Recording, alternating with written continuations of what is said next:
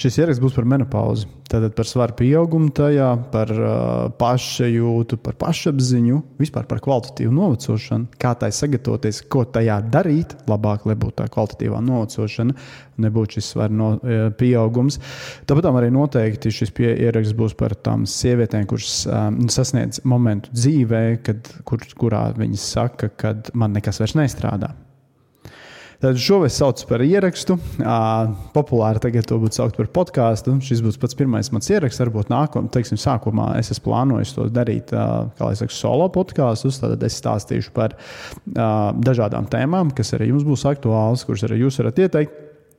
Uh, šodien tad pirmā tēma būs menopauze. Uh, kāpēc menopauze? Tāpēc, ka menopauze, mm, es skatos caur savu klientu prizmu. Uh, man klienti ir pārsvarā sievietes, tas būtu absolūti skaidrs. Un jāatzīst arī, ka, protams, ka ļoti liels daudzums manu klientu ir sievietes, kā kurām tuvojas menopauze vai kuras jau ir menopauzē. Jeb, uh, ja tas ir uh, sievietes nu, virs 35 gadiem. Tāds tiešām, ja man tā demogrāfiski būtu jāpaskatās, tās būtu noteikti lielākā, lielākā daļa, lielākais procents manas, manu klientu. Protams, ka ir arī jaunākas un, un, un, un tā tālāk.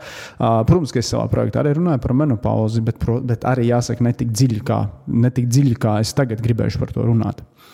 Uh, kāpēc man tas liekas aktuāls temats? Tāpēc, ka redzat, bija interesanti tas, ka pasaulē ļoti daudz runā Protams, par noteviešanu runā, runā par veselību, runā par reproduktīvo veselību. Uh, Patiesībā runā un pēta arī diezgan daudz sievietes, kas jau ir pēcmenopauzes, tāpēc ka viņas ir diezgan liels sloks medicīnas sistēmai, tāpēc ka viņām jau ir šīs veselības problēmas, kuras izraisīs svara pieaugums. Šī menopauze visam varam teikt tā, ka menopauze ir izraisījusi šīs svara problēmas. Un, tā nav precīza definīcija, tā nevar teikt. Uh, bet, tad, kad runā par sievietēm, menopauzē, kā to sagaidīt, kādas pārmaiņas notiek ķermenī, visā pasaulē ir rīktīgi maz īstenībā informācijas. Reāli maz informācijas. Pat varētu teikt tā, ja tas būtu sieviete, fu, ja tas būtu vīriešiem, tad šī menopauze būtu tāda vīriešiem. Daudz runās par vīriešu menopauzi, bet ja tāda menopauze būtu vīriešiem, tik izteikti ar tādām komplikācijām un tādām pārmaiņām, būtu tas viss daudz labāk izpētīts. Un te mēs varam pieskarties manai, manam mīļam tematam, kas ir man mīļš jau vairākus gadus. Par, un temats ir tāds, ka sievietēm pētījumu vispār pasaulē ir maz. Ja nereiķina pēdējos kaut kādus desmit gadus, kad kaut kas sāk mainīties, izteiktāk pat pēdējos piecus gadus, bet nu, tas diezgan maz tās izmaiņas ir joprojām salīdzinoši. Ja? tad visi iepriekšējie pētījumi praktiski fitnesā, uzturā, pat farmācijā lielākoties bija ar vīriešiem. Farmācijā, piemēram, lielāko daļu zāles atsauc, atsauc ar komplikācijām, tad, kad nonāk viņas tirgu, viņas pirms tam izpēta. It kā neatrod nekādas blaknes komplikācijas. Lielāko daļu zāļu atsauc, tāpēc, ka viņas nav pietiekami izpētītas ar sievietēm. Un sievietes ir grūtāk pakļaujas šai pētniecībai, Mm, jo nu, viņām ir cikls. Bet mēs nerunāsim šoreiz par sievietēm reproduktīvā vecumā. Mēs runāsim par sievietēm, tām, kurām reproduktīvais vecums lēnām sāk beigties. Un iestājās šī menopauze. Un redzat, ar mēnesi sievietēm menopauzē vispār neviens nedarbojās. Nu, vienkārši varbūt tāpēc, ka. Kā, es, es nevaru precīzi pateikt, kāpēc, bet, nu, kā lai saka, pietrūkst resursu pietrūkst resursu, un, un, un, un par pētījumiem lielākoties lem vīrieši, kam piešķirt pētījumus, kam piešķirt finansējumu, kurus pētījumus veikt arī universitātēs. Tam līdzīgi, diemžēl, tur ir spēcīga vīriešu val, valdīšana, tā teikt, valdīšana. Tad jāsaka, ka nu, tāda tēma kā menopauze nu, neliekas nevienam aktuāla. Un tad jāsaka, paldies Dievam, ir pasaulē dažas, nav ļoti daudz, dažas pat var teikt, uz rokiem, ro, viens rokas, bet divu roku pirkstiem saskaitāmas ekspertes, kas ir dziļāk pētījuši šo jautājumu. Paldies Dievam viņām, paldies Dievam dažiem pētījumiem. Uh, kas ir, uh, paldies Dievam tam, ka tas tiek bīdīts, tas tiek padziļināti uh, skatīts šis jautājums, tad kaut kas jau tiek izlobīts, un uz doto brīdi, lai gan, kā jūs teicat, ja vīriešiem tas viss būtu, tas būtu sen izpētīts un būtu izpētīts daudz vairāk, bet pat uz šo brīdi jau ir atrasti ļoti veiksmīgi, kā lai saka, mehānismi, ja veiksmīgas darbības, ko darīt. Lai tad, um, kā jau teicu, sagaidīt vieglāk. Tas ir svarīgi. Šis būs ļoti svarīgs aspekts. Sagaidīt vieglāk, uh, un arī pēc tam dzīvot vieglāk, jeb novacot vieglāk. Novecošana gan ir aktuāla arī vīriešiem, bet vīriešiem novecošana ir citādāk. Viņiem nav tik krass kritums pašsajūtā, ķermeņa izmaiņās nav tik krass kritums. Vīrieši noveco lineāri, lēnām, mierīgi noveco. Ja? Uh, vēl kas ir, kāpēc es gribu parunāt par šo tēmu, tāpēc, ka to es redzu gan no saviem klientiem,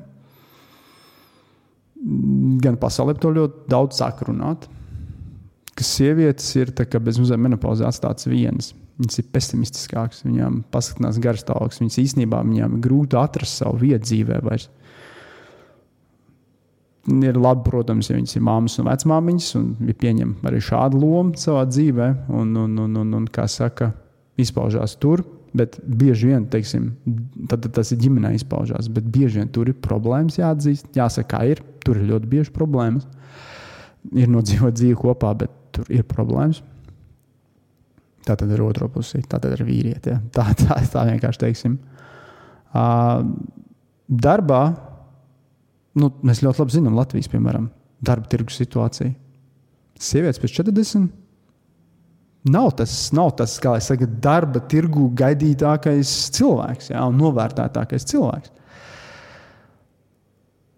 Un sieviete arī, nu, tā kā par to tik maz runā par menopauzi, no veselības aspekta. Noteikti savstarpēji, varbūt pat es nezinu, cik savstarpēji sievietes par to runā. Bet kā, nu, apmēram tas tiek uztverts tā arī no ārsta viedokļa. Nu, jā, kam on, mēs nocējam. Jūs nocējat, vai jūs nocējat, ja sievietes nocējat, nu, samierinies ar to. Jā. Bet sieviete jau pat jūt, ka tā nocošana ir baigta strauja. Uh, tad, uh, ja mēs izdomājam, teiksim, kā lai saka, ja mēs izdarām daudz, daž, daudzas lietas pareizi un laicīgi, vai arī jau tajā menopauzē izdarām daudzas lietas, mēs varam palēnināt to novecošanu. Baigs svarīgi, mēs varam uzlabot uh, daudzas lietas. Tas saucās viss, kas ir gan arī tas pats libido, piemēram, arī, jā, tas pats libido paši jūt. Mēs varam uzlabot to, kā sieviete jūtās šajā periodā. Un, ja cilvēks jūtās labāk, labāk, nav svaru pieauguma, nav veselības problēmas, jūtās labāk, to mēs saucam par, es to sauktu vismaz, jā, par cieņpilnu novecošanu. Un tad šī sieviete, kurai ir sācies šis straujais novecošanas periods, nekļūst par upuri uh, daudz dažādām muļķībām. Jo sieviete šajā vecumā ir mērķis, vistiešākais mērķis visiem uzturbagātinātājiem, visiem tīkla mārketingiem, visādiem skaistuma kopšanas procedūrām, kas ir. Un viss tas, viss tas patiesībā. Skaistuma kopšanas procedūras, protams, mēs varam nu, bagātināties kaut kādā mērā, varam pieņemt, ka kaut kas var palīdzēt, kaut kas var nepalīdzēt. Es par tiem šodien nerunāšu. Bet tas ir pārāk agresīvi. Ja? Tas ir pārāk agresīvi, pārāk daudz, bieži vien, un tur pārāk daudz ir muļķība iekšā, protams. Un apakšā tam visam bija tāda milzīga doma, tā kā nepieļaut novecošanu. Kas ir diezgan muļķīgi, tāpēc ka vīriešiem novecošana tiek parādīta kā kaut kas skaists. Nu, vīrieši, labi, Holivudā bezmazliet, ja, vai arī nu, tādās vietās vīrieši noveco skaisti. Ja, tas tā tāds lēns process, vīrieši paliek sirmi, tur tā, la, la, la. Sievietēm nerunā par šādu procesu. Sievietes nu, tās, kuras tiek rādītas kaut kur, ja, kas ir kā, kā piemēra bezmazliet, vai kurām seko citas sievietes. Viņas cenšas nenovecot ļoti. Un to mēs redzam, diemžēl, diemžēl jāsaka, Holivudā izteikti. Kuri man liekas, atsevišķi ļoti labi piemēri. Es saukšu uzvārdus, ja nezinu, vai kaut ko. Un, piemēram, man liekas, ka kaut kāda tāda kā Jennifer Lopes, man liekas, ka diezgan ok noveco. Uh, Man tāds aizdoms, ka viņi ne, ne, ne tik daudz izmanto kaut kādas tur, tur, tur, tur, tur tās plastiskās ķirurģijas. Es gan, protams, neko nezinu tam līdzīgi. Bet, piemēram, ir ļoti negatīvs piemērs kā Madonna, kas ir kolosāli dziedātāja, fantastisks dziedātājs, kas sasniegusi ļoti daudz uh, savā dzīvē. Un, diemžēl, diemžēl viņas tagad viņu pastoties, labi, es nesakoju baigi līdzi, bet kaut ko tur redzot un pasakojot līdzi, kas tur notiekās, tas izskatās, diemžēl, ļoti skumji. Mm, ka cilvēks nevar samierināties ar to, ka noveco Un ka cilvēks patiesībā vairs nevar nokontrolēt ne ar ko, ne ar, kādām, ne ar kādiem tiem dārgiem paņēmieniem, ne ar ko viņi nevar nokontrolēt ne savu ādu vairs, ne savu svaru, jā, noteikti un tam līdzīgas lietas. Jā. Viņi cenšas, protams, bet to nevar kontrolēt. Jā. Un es uzskatu, nevis es uzskatu, bet nu, tāds ir, ka ja mēs ļautu sev lēnām novacot, dabīgi iejaucoties Protams, mēs varam iejaukties tajā procesā. Iejaucoties saprātīgā apjomā, nepaļaujoties tikai uz, uz plastisko ķirurģiju vai kaut ko tamlīdzīgu, vai uz farmāciju. Ja mēs paši izdarīsim maksimumu iepriekš jau, vai tik daudz, cik mēs varam izdarīt, ja, bet nosināt par maksimumu, protams, ja mēs paši izdarīsim to, tad mūsu nocošana, kā jau saka, cieņpilnāk un foršāk, mēs būsim tie Mēs, es, saku, es kaut kā, kad saku, runāt, sēdu, bieži aizjūtu, mēs, es esmu vīrietis. Es, es, es, bet, bet vīriešiem arī ir novecošana. Uh, paliek arī straujāks to vecumu, ja, un, un, un arī paliek grūtāk. Un patiesībā viņiem šie padomi liela daļa ir noderēta vīriešiem, bet uh, sievietes, nu, mēs esam visi redzējuši tās sievietes, piemēram, 70, 80 gadi, kas ir nocoši ļoti skaisti. Un es domāju, ka jebkura var tā nocot. Tas ir, protams, gēni, bet gēni ir bieži vien atruna. Krietni biežāk tie nav gēni, tas ir vienkārši tas, kas tiek darīts vai netiek darīts dzīves laikā. Tā. Un kas tad ir menopauze? Redzat, sievietei. Es šo tēmu, kā to, ko iepriekš es nezinu, es, es, protams, ka neesmu super eksperts par to, kā sievietei nocot, kā nenocot, vai neesmu padomdevējs, bet Es vispār uzskatu, ka visiem cilvēkiem nu, ir, ir, saka, ir jāizdara maksimums to, ko viņi dara. Var tajā brīdī izdarīt, ja ir ļoti drošs metods, kā kaut ko uzlabot. Ok, cilvēkam, nu, viņiem nocošana ir dabīgs process. Nevajag padarīt sev par apsmieklu tajā procesā. Tādā ziņā. Bet no otras puses, tas ir viens, viena daļa. Jā. Es domāju, to ļoti reti, kurš nu, atsauksies, tas vairāk attiecās uz tādām Holivudā. Un gan nē, nu, Amerikā pastoties, piemēram, kā tie pensionāri, tur, tur ir te, tajā Miami, Floridā tā viena vieta, kur daudz ņirgājās par tiem pensionāri, kas ir satūnēti ar, ar, ar botoks un tam līdzīgi, jā, ka diezgan pabriesmīgi izstāsta. Jā, protams, es negribēju arī te, aizskart kaut ko vai kaut ko tamlīdzīgu, bet uh, tīri tā ideja, ka nu, tāda normāla novecošana, dabīga novecošana ir daudz skaistāka nekā tas, ko mēs redzam iespējams sociālos tīklos, skatos, filmās un tam līdzīgi. Kur tas netiek parādīts, manuprāt, tā kā vajag. No otrs aspekts šim visam stāstam, kas man daudz labāk patīk, par kurus vairāk gribētu runāt, pat, ir, protams, veselības aspekts.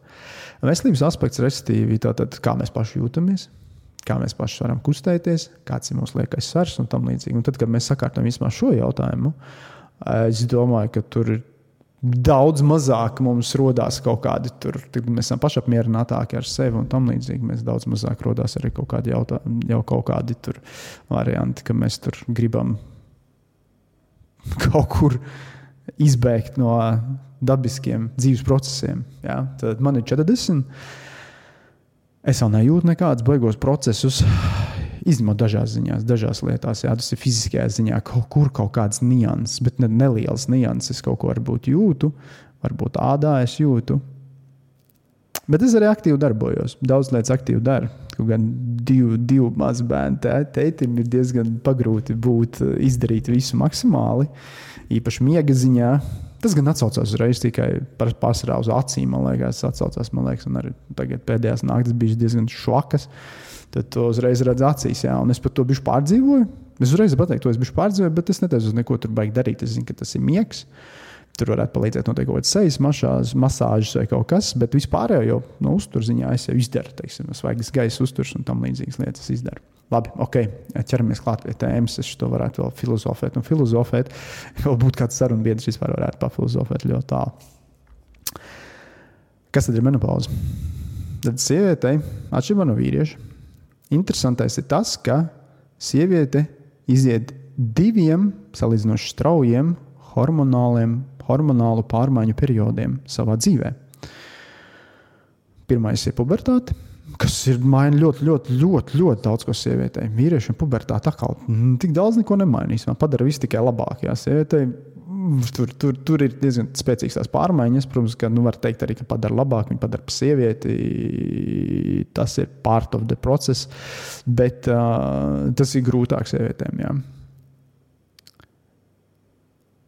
Pēc tam visas dzīves laikā šie hormoni, sievišķie hormoni, kas sāk izdalīties, sāk lēnām samazināties šī izdalīšanās.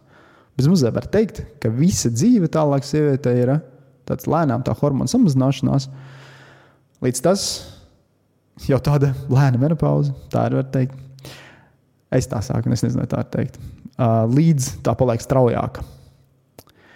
Un, un, un viens no periodiem, par kuru vismazāk runā, ir tieši, un ko es, ko es uzsvēršu vairāk arī šajā sarunā, ir nevis menopauze, kura vidēji iestājās ap 50 gadiem. Ir ātrāk, ir lēnāk, ir ātrāk, ir vēlāk, nevis lēnāk. Bet uh, īstenībā periods, par kuru mazāk runā, ir tieši pirmsmenopauzes periods, kas var ilgt 5 līdz 10 gadus ar lielām pārmaiņām. Pubertāte bija liels pārmaiņas, un hormonu tāda straujāka izbeigšanās arī ir lielas pārmaiņas, kas sev nes līdzi daudz izmaiņas organismā. Uh, galvenās izmaiņas jau ir tas, ka, protams, strauji nokrītās hormoni, gan progesterons, gan estrogēns. Vairāk par estrogēnu runāsim noteikti. Jo tad, kad straujāk krītās estrogēns, Labi, ok, par to vēl mēs runāsim. Ja? Uh, bet es domāju, kā pareizāk šo visu izstāstīt. Tas ir tas, ka tev, ir, tev kalbā ir tāda lieta, gribas tā ātrāk izstāstīt, tā koncentrētāk izstāstīt.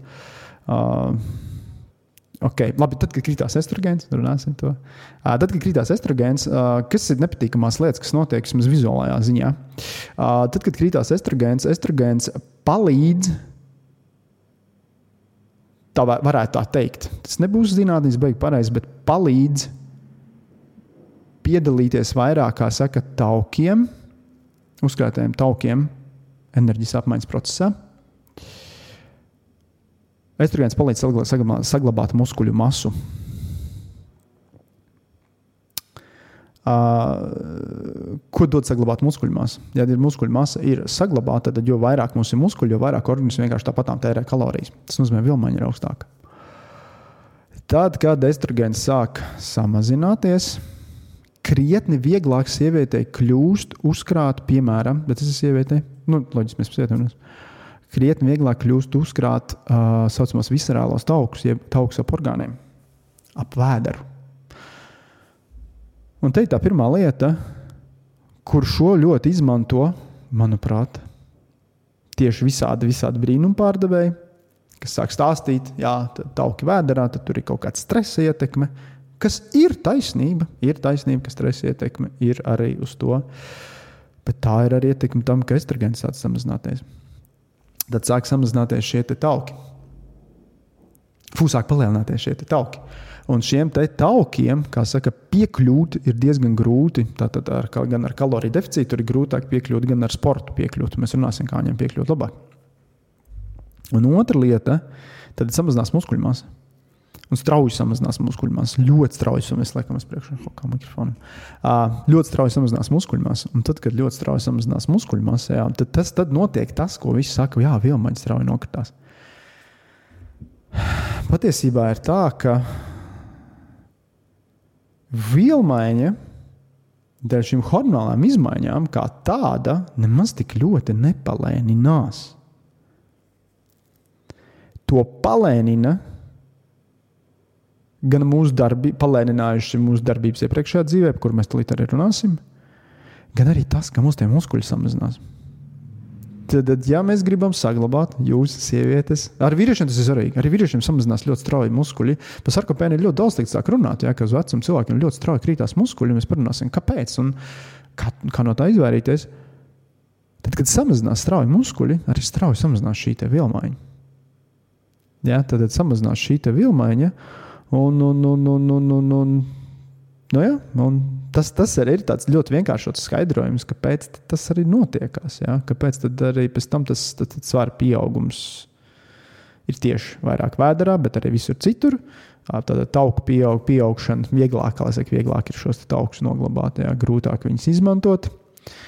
Un, un, un, un arī tā muskuļu krišanās, muskuļu samazināšanās, jā, tas kopā samazina vielmaiņu. Protams, ka tie hormoni, kas nokrītās, protams, ka viņi ietekmē arī tādas lietas kā apetītu un izsaukumu. Protams, tad, kad hormoni sāk mainīties, apetītu un izsaukumu arī regulē hormoni. Protams, var būt tā, ka palielinās apetīte, jā, palielinās izsaukums, un vienkārši cilvēks apēd vairāk. Arī dēļ tā, ka dēļ tiem hormoniem jūtas sliktāk, un, un, un, un, un, un, un ir lielāks, dēļ tām hormonu izmaiņām ir lielāka slodze centrālajai nervu sistēmai. Attiecīgi, ir lielākas iespējas uz visādām depresijām, sliktāku pašjūtu un tam līdzīgi. Skaidrs, ka cilvēks tur ēd vairāk. Arī, arī tas ir. Ja?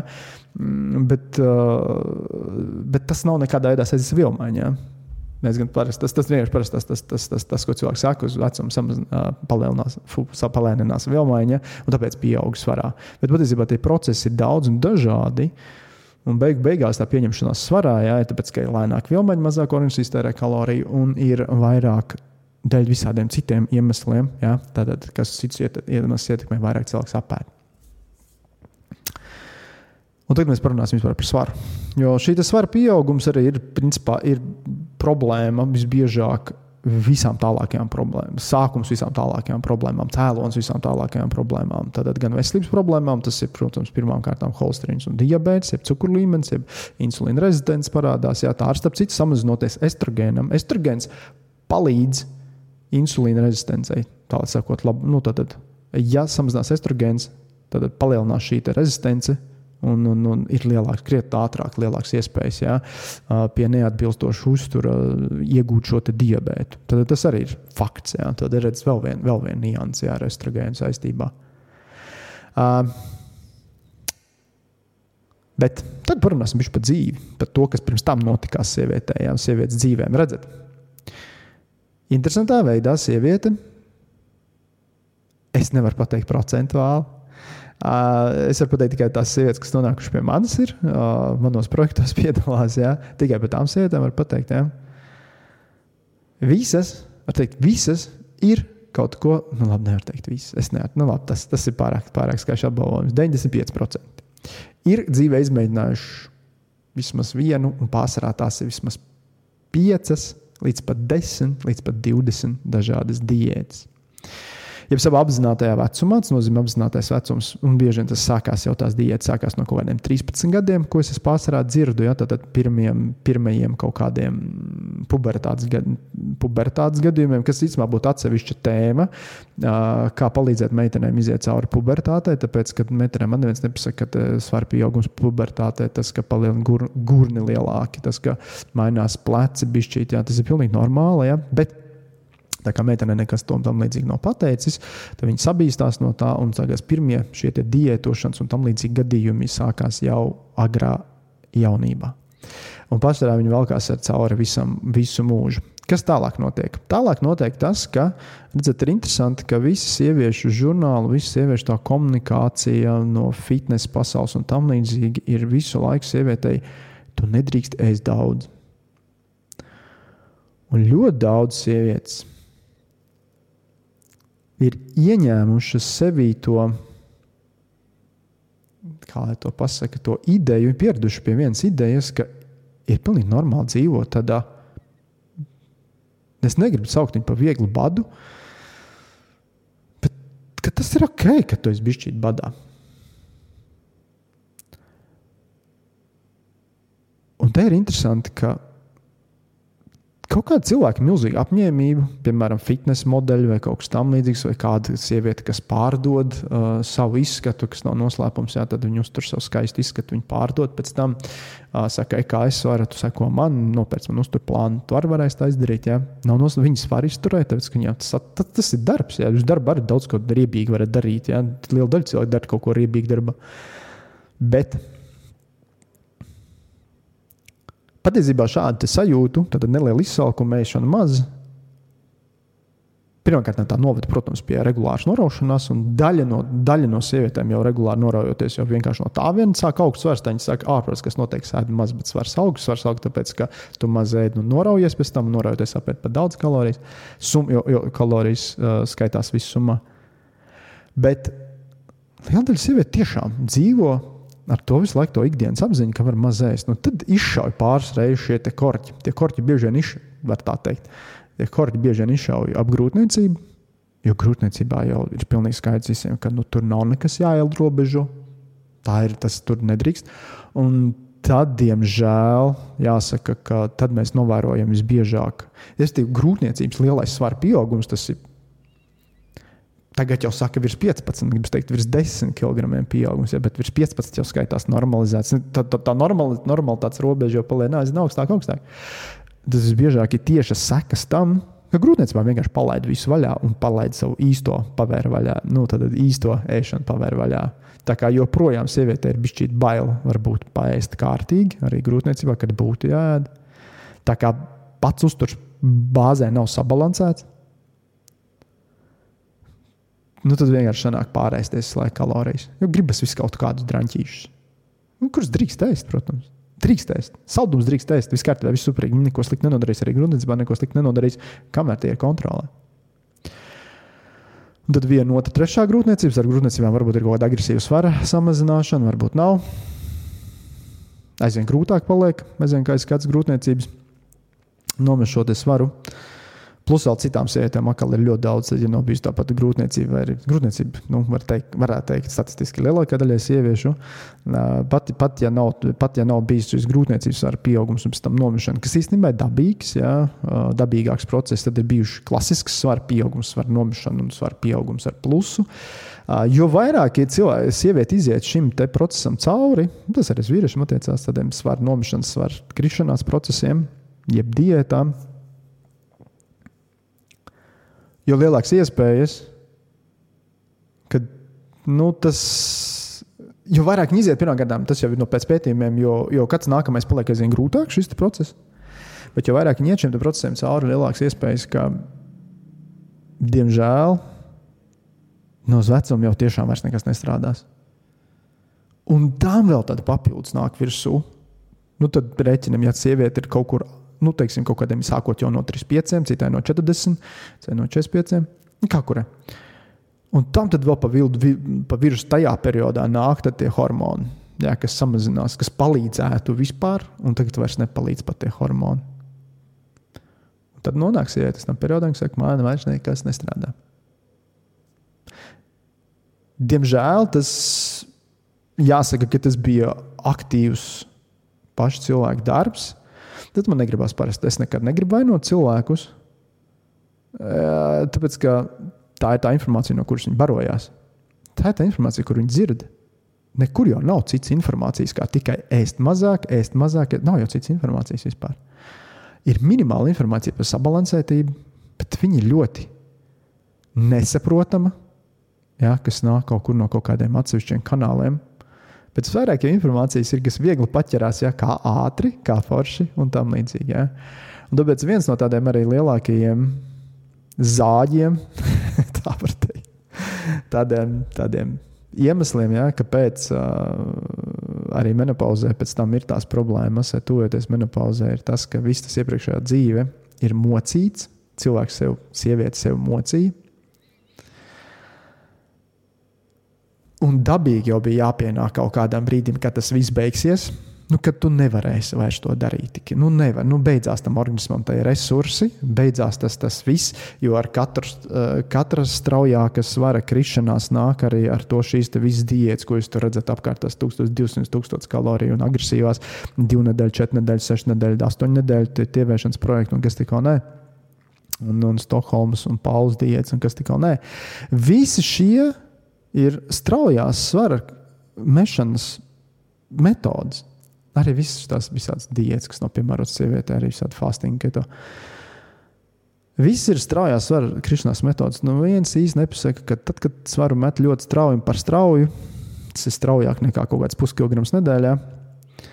Ja met straujāk, ļoti daudz tiek zaudēti muskuļi līdz ar taukiem. Svars krītās, protams, uz svariem. Jau svaru jūs redzat, nu, svars nokritīs, bet tur arī muskuļi tika zaudēti, nevis tikai tauki.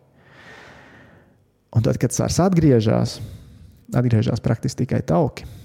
Jo tāpēc, kad atgriešanās parasti arī notiek strauji, neizturēja, no, norāvās, ja, un tam līdzīgi tas svars atgriežas ar plusiņu.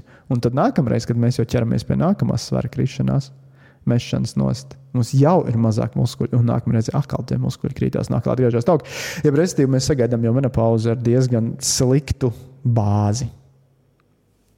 Tālāk, tas noteikti nav visām sievietēm aktuāli, jā, bet tas ir tām sievietēm aktuāli, kuras jau ir cīnījušās, eh, kuras ir ieturējušas diētas, kas jau ir cīnījušās ar svaru jau visu, visu savu dzīvi, kam bieži vien es dzirdu visu savu dzīvi, gan arī, gan arī, gan arī tieši nu, ar menopauzi sāk straujāk pieaug šis svars, tad ļoti bieži ir šis stāsts apakšā. Pēc tā stāsta, kad es ar katru klientu cenšos runāt. Ja viņš vēlās, eh, jo man projekta arī, arī nu, nerunājot ar mani, tā sakot, jā, bet uh, es cenšos runāt, es dzirdu to stāstu. Tie stāsti ir ļoti līdzīgi, vai es varu izprast, nu, teiksim, paskatoties uz to dzīvi atpakaļ. Es parasti palūdzu pastāstīt arī, tad mēs redzam to stāstu diezgan līdzīgu, ka visu dzīvi pavadīt, pavadīt ir meklējot ātrās metodas. Uh, diemžēl, nu jā, nu, nu, ko es te jau pateikšu, ātrās metodas nestrādā. Bet tam netic neviens. Tāpēc tagad mēs runāsim arī par to, kā to labot. Nu, tā ir nu, kaut kad jālabo. Viens variants, tad, ja klausās sievietes, kas ir jaunākas, ļoti ieteicams būtu klausīties šo sievietēm, arī kas ir jaunākas, neizdarīt tās kļūdas. Priekšlaicīgi sākt saprast to, ka svara kontrole, veselības kontrole, pašajūtas kontrole gadam sākas ar pacietību. Un viss patiesībā - pacietība un labi ieradumu veidošana, nevis ādas diētas. Tāpēc, ka svara kontrole nav diēta, diēta, diēta, diēta, diēta. Svara kontrole ir tas, kā tu to dari savā ikdienā, kā tu to dari ilglaicīgi, ilgtermiņā un tam līdzīgi. Okay. Tad, tad process, ko sauc par pirmsmenopauzes periodu, viņš var būt 5 līdz 10 gadi. Un var gadīties, ka citām dažām sievietēm sākās jau no 30 gadiem. Tas šis process normāli jau būtu no kādiem 40 un vēlāk tas sākties. Bet dēļ tā patiesībā arī ir šīs agresīvās diētas, agresīvās pieejas, agresīvās visas tās lietas darītas dzīvē. Straujies var pieaug un straujies var krišanās. Dēļ tā arī, piemēram, ir arī tas pats populārais PCOS. Bet uh, Daļai tā arī, nu jā, daļai tā arī. Jā, es jau pazaudēju savu domu, kas bija teikts, aizdomājos par PCOS. es gribēju pateikt viņu pilno nosaukumu un gribēju pateikt saīsinājumu. Bet ok, šī nav lekcija, šis ir podkāsts. Es cenšos būt brīvāks savā sarunā. Es, man grūti iziet no es tik ilgi taisīju lekcijas. Tik ilgi, tik ilgi, tik ilgi es esmu taisījis tikai lekcijas. Jo šāds video es taisīju garākus kaut kādiem, kādiem diviem, trim gadiem, un tad es pārstāju, un es īsti nezinu, kāpēc. Tad es ļoti labprāt viņus atstā, ats, atsākšu, jo es jūtos labāk tajā video. Kad viņš ir garāks, ka man nav jāielien kaut kādās sekundēs, un tagad atkal mēģināju ielīst kaut kādās sekundēs, mēģināju runāt jau tā kā lekcijā, un pazaudējos. Bet tātad dēļ šīm te, uh, agresīvajām visām diētām, dēļ agresīvās šīs pieejas, dēļ tā ir pilnīgi normāli ka sieviete var iestāties agrīna menopauze. Tas ir. Tas ne, nenotiek ļoti daudz procentiem sieviešu. Tas nenotiek ļoti daudz procentiem sieviešu, bet tas ir, kā lai saka, kur, kur es dzirdēju, bet es dzirdēju to no britu speciālista sienas, ka tas paliek aizvien aktīvāks šis process. Jā, ka sievietēm aizvien agrāk iestājas menopauze. Tas nozīmē, ka tas organisms ir Nu, viņš vienkārši brutāli teiksim, nomocīts ir un viss ar šīm visām diētām, diētošanām, un, un, un, un, un arī ar, protams, pārstrādāšanos un pārstresošanos, un arī par pārtrenēšanos. Starp citu, arī par trenēšanos sarunāsim šeit. Nu, Restīvi, tad, kad mēs nonākam līdz šīm menopauzē, es te kaut ko esmu pierakstījis, tie, kas skatās video, es varbūt kādreiz iestīšos arī datorā, es šeit neiestījos. Uh, Tad, kad mēs nonākam līdz šīm menopauzē, kad šim periodam, kad tuvojās menopauze, tad sākās nu, atkal tāds aktīvāks, nu, kā hormons, hormoni jau svārstās sievietei katru, katru mēnesi. Tām, kurām ir regulārs cikls, kā jāsaka, jā, un regulārs cikls ir viens no labākajiem veselības rādītājiem. tām, kurām ir regulārs cikls, tad hormoni jau svārstās katru, nedēļu, katru mēnesi. Jā. Tad, tad arī jau estrogēns ir gan augšā, gan lejā, progesterons ir augšā, lejā. Tad šī periodā, kas jau ir, kad jau sāk aktīvāk šie hormoni samazināties, šie hormoni var svārstīties, nu, kā lai, kā lai kā saka, ietekmēt vēl vairāk. Var arī jau tādā pilnīgi normāli, jau, kad ir izkrīt jau menopauze, fu, menopauze, izkrīt mēneša reizes. Ja?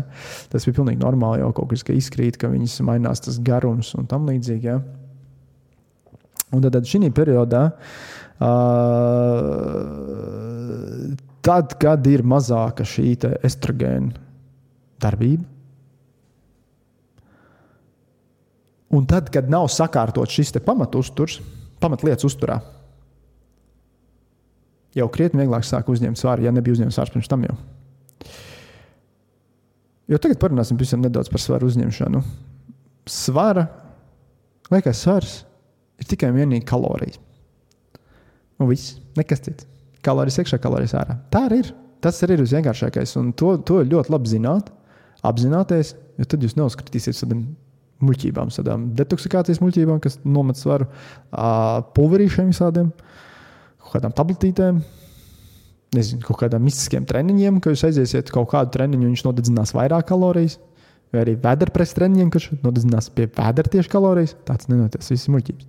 Jums ir konstanti jāiztērē mazāk kalorijas, nekā jūs uzņemat, lai jūsu svars kristos. Vai arī, lai jūs saglabātu normālu svaru, tad, kad viņš nokritīs, jums vienkārši jāēd līmenī, jeb jāēd normā, jāēd tikpat, cik jūs iztērējat. Uh, Nu, jā.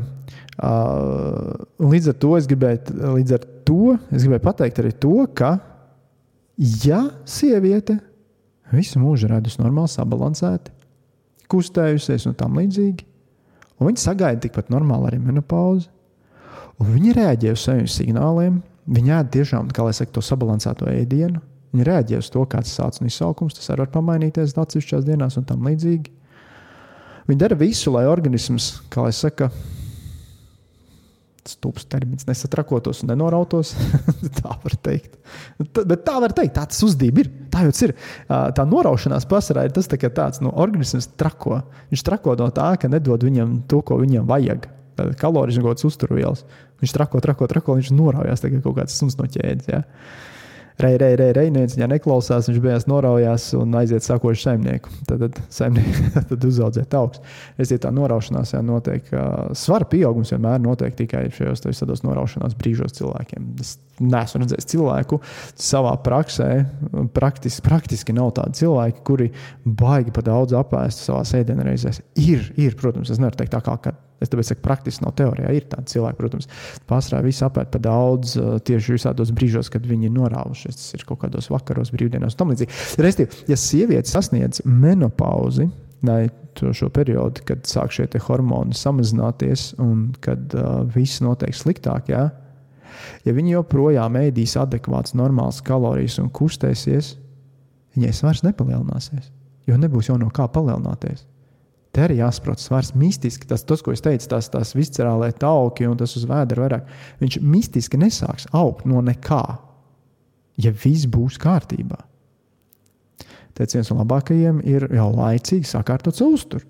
Vienkārši, easy, peasy, ja, nu tā, ja tā var teikt laicīgi sakārtot uzturu, saprast, ko jūs varat darīt visu dzīves garumā, nevis tikai lēkāt no, lēkājot no diētas un die, uz diētu un mētājoties pa svaru augšā, lejā, augšā, lejā, augšā, lejā. Bet laicīgi sakārtot diētu. Ja tas nav izdarīts, tad, tad ir sācies šis periods, vai vai ir jau iestājusies menopauze, un jums varbūt jau ir 60, 70, 80 gadi, un jūs joprojām gribat uzlabot savu veselību, kas ir absolūti arī par šī, šīs, šīs, šī tēma, arī būs par to. Tas nav tikai par šo periodu, kas ir uh, līdz menopauzē. Ja? Ir jāsāk kaut kas aktīvi darīt, ja gribās kaut ko izdarīt. Ja? Kā jau teicu, šajā periodā, un arī pēc menopauzes periodā, sievietes ir visvieglāk uz, uzķerās uz visādām pseidozinātnes muļķībām, uz visādiem pārdošanas brīnumiem, ko pārdod visādus solījumus. Uz ezotēriku noteikti uzķerās nenormāli daudz. Tikai tāpēc, ka neviens īstenībā nevar pateikt, kā palīdzēt. Un es tagad centīšos kā palīdzēt no tās zinātniskās puses, kas patiesībā ir vienkāršas darbības, kas neiesaista, kas iesaista pašu cilvēku, bet neiesaista kaut kādas lietas, kas jāpērk tagad klātieniem. Un tā tad,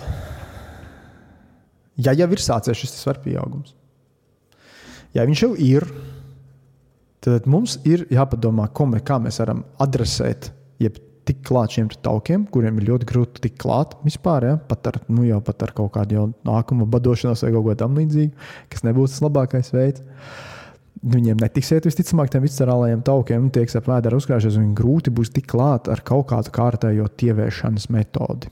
Nu, ne, netiksiet ņemt turklāt tik viegli. Protams, ja jūs būsiet tādā tiešanā, ka jūs tur viss, viss, viss, viss tauki, tad tie arī izdīs. Protams, bet tas būs ļoti grūti. Uh, bet viņiem var tikt klāt ar konkrētām lietām. Un otra lieta, kas mums ir ļoti vērtīga un vajadzīga,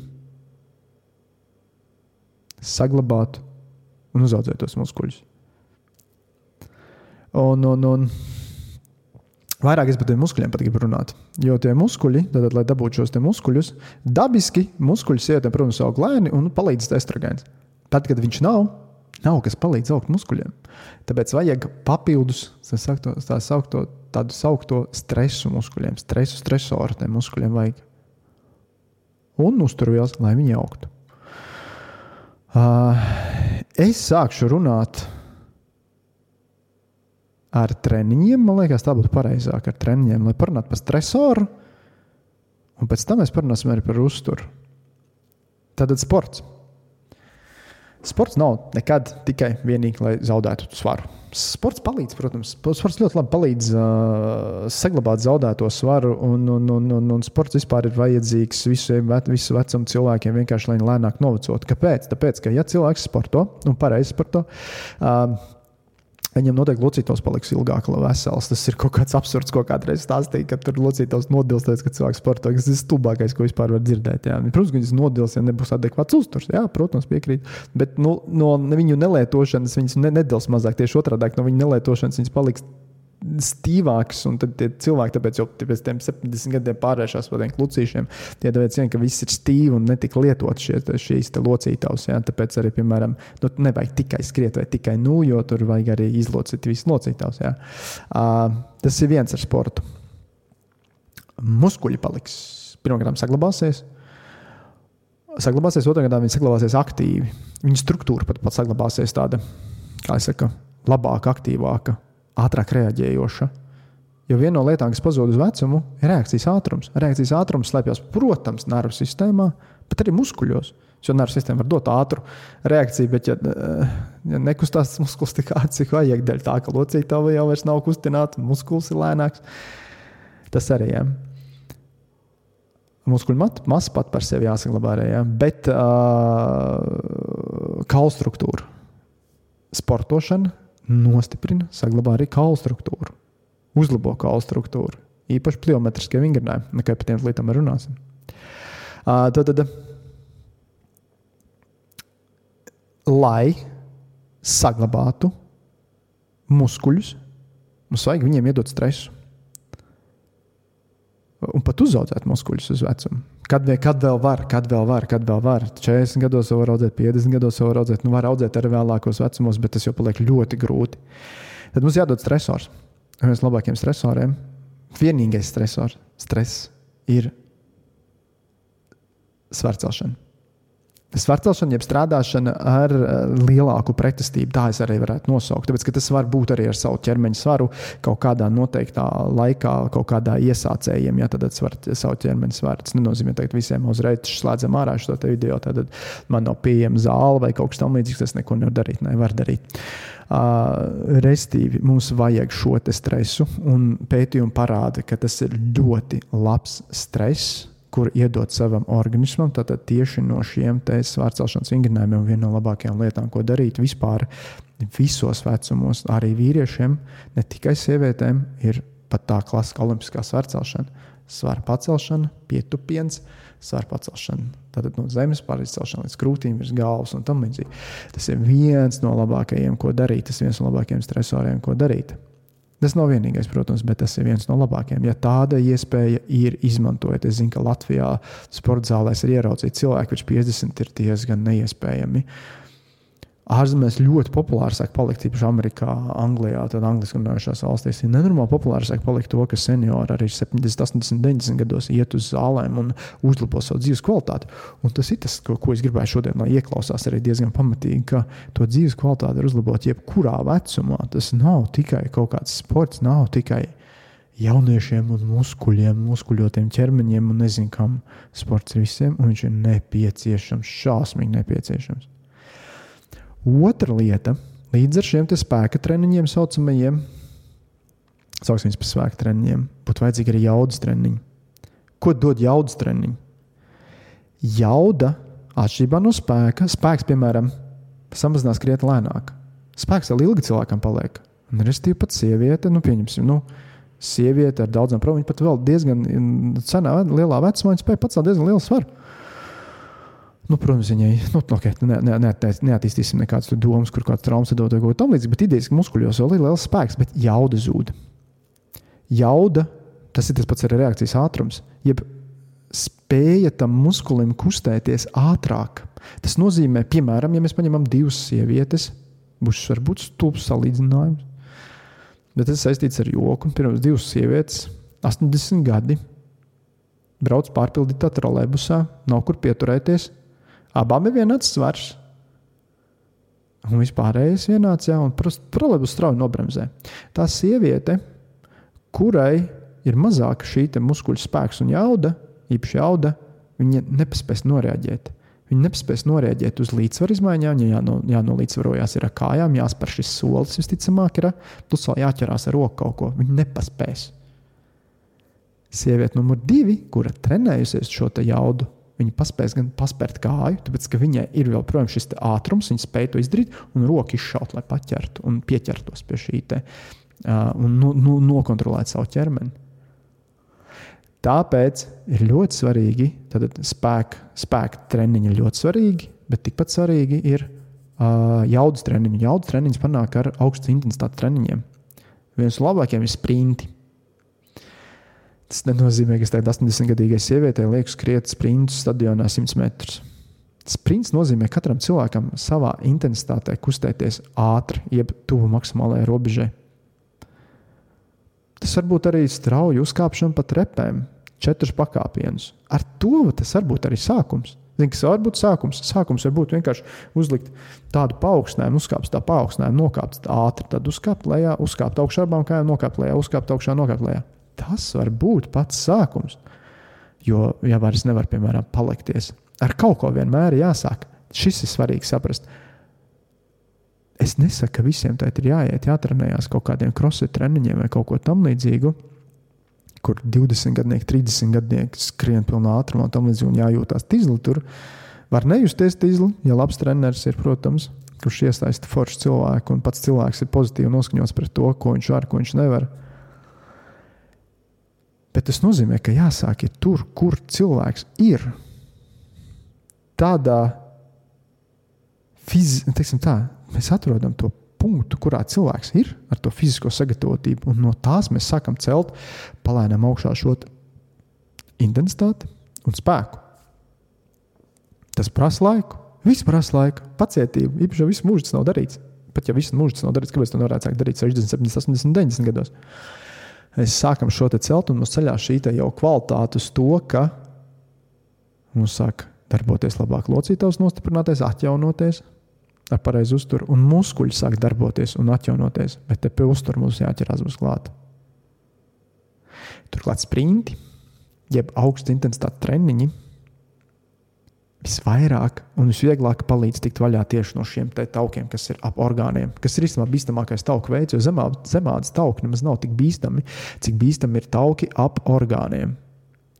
Tieši sprinti, tieši augsta intensitātes, sprinti, ne tas sprints tikai viens treniņa veids, ja, bet tas ir augsts intensitātes treniņš. Tie, kas ir bijuši treniņiem, kaut kur ir gājuši, dzirdējuši noteikti vārdu tabata, ja, kas ir 20 sekundes, ir jaudīgs treniņš, 10 sekundes atpūta. Šis ir brīnišķīga lieta, ko izmantot. Tikai cilvēkam, nu, kas ir nu, sācis, viņam var nebūt 10 sekundes, viņam būtu 20 sekundes. Viņš kaut ko aktīvi dara, viņš var atpūsties ilgāk, viņš ir minūte atpūsties, pēc tam 20 sekundes aktīvi dara, atkal minūte atpūsties, kamēr atjaunojas. Šis, šis, šis ir nianses, ko es nevaru izstāstīt nu, katram cilvēkam individuāli jāpielāgo. Ja? Tas ir tāpēc, tāpēc, ja jūs gribat kaut ko tādu darīt, meklējiet kvalitatīvu treneru, ja? meklējiet labu treneru, kurš iemācīs jums pareizi kustēties. Um, tas ir ļoti svarīgi, piemēram, svariem strādājot, ir jāiemācās pareizi kustināt savu ķermeni, ir jāizprot, kā to darīt. Nevar nepareizi darīt tā tikai traumas un dabūt vairāk. Uh, Nu jā, un tad šī intensitāte jāliek klāt. Un trešā lieta, trešā lieta kas ir baigi, baigi, baigi svarīga, ir, kas ļoti sasaistās ar intensitāti, ir pliometriskie vingrinājumi, jau dažādi veidi. Tas arī sprints ir pliometrija, tātad skriešana, lekšana. Tad, restīvi, kad mēs dodam šo te ar kājām šo te. Uh, pret zemi dodam šo atlēciena variantu, uh, atlēciena šo kustību dodam, ja, kad mums uh, tas, tas dod ļoti spēcīgu un labu stimulu kauliem. Kauli ļoti labi reaģē un paliek stiprāki no tieši no šī, te, šī te vingrinājuma. Atkal tas nenozīmē, ka uzreiz jāsāk kaut kādam lekt, nezinu no kurienes vai kaut ko. Es zinu, ka ļoti daudz cilvēku ļoti lielā vecumā var arī vairs nemācīt lekt, bet tāpēc tas viss sākās. Tas sākās varbūt ar kāpieniem uz 2 cm augstu nu, paaugstinājumu. Ja? Un, kad tie kāpieni sāk justies labāk, tie var būt arī pirmie lecieni. Ar to tas sākās. Es negribēju būt tik dziļi iet, ja, ko tieši darīt, bet es gribēju tīri tā iedrošināt arī tos, kas jau uzreiz atmet ar roku, nē, šis nav man. Ok, ja nekas nav nepriekš viena, tādā ziņā sakot, bet ja mēs runājam par kvalitatīvu dzīvi, par kvalitatīvu dzīvi, kvalita, dzīves kvalitātes uzlabošanu, savas dzīves kvalitātes uzlabošanu, tad šīs lietas Redzat, tas ir tas, par ko tagad tieši runā. Un tieši runā sievietes, un tieši runā sievietes menopauzē.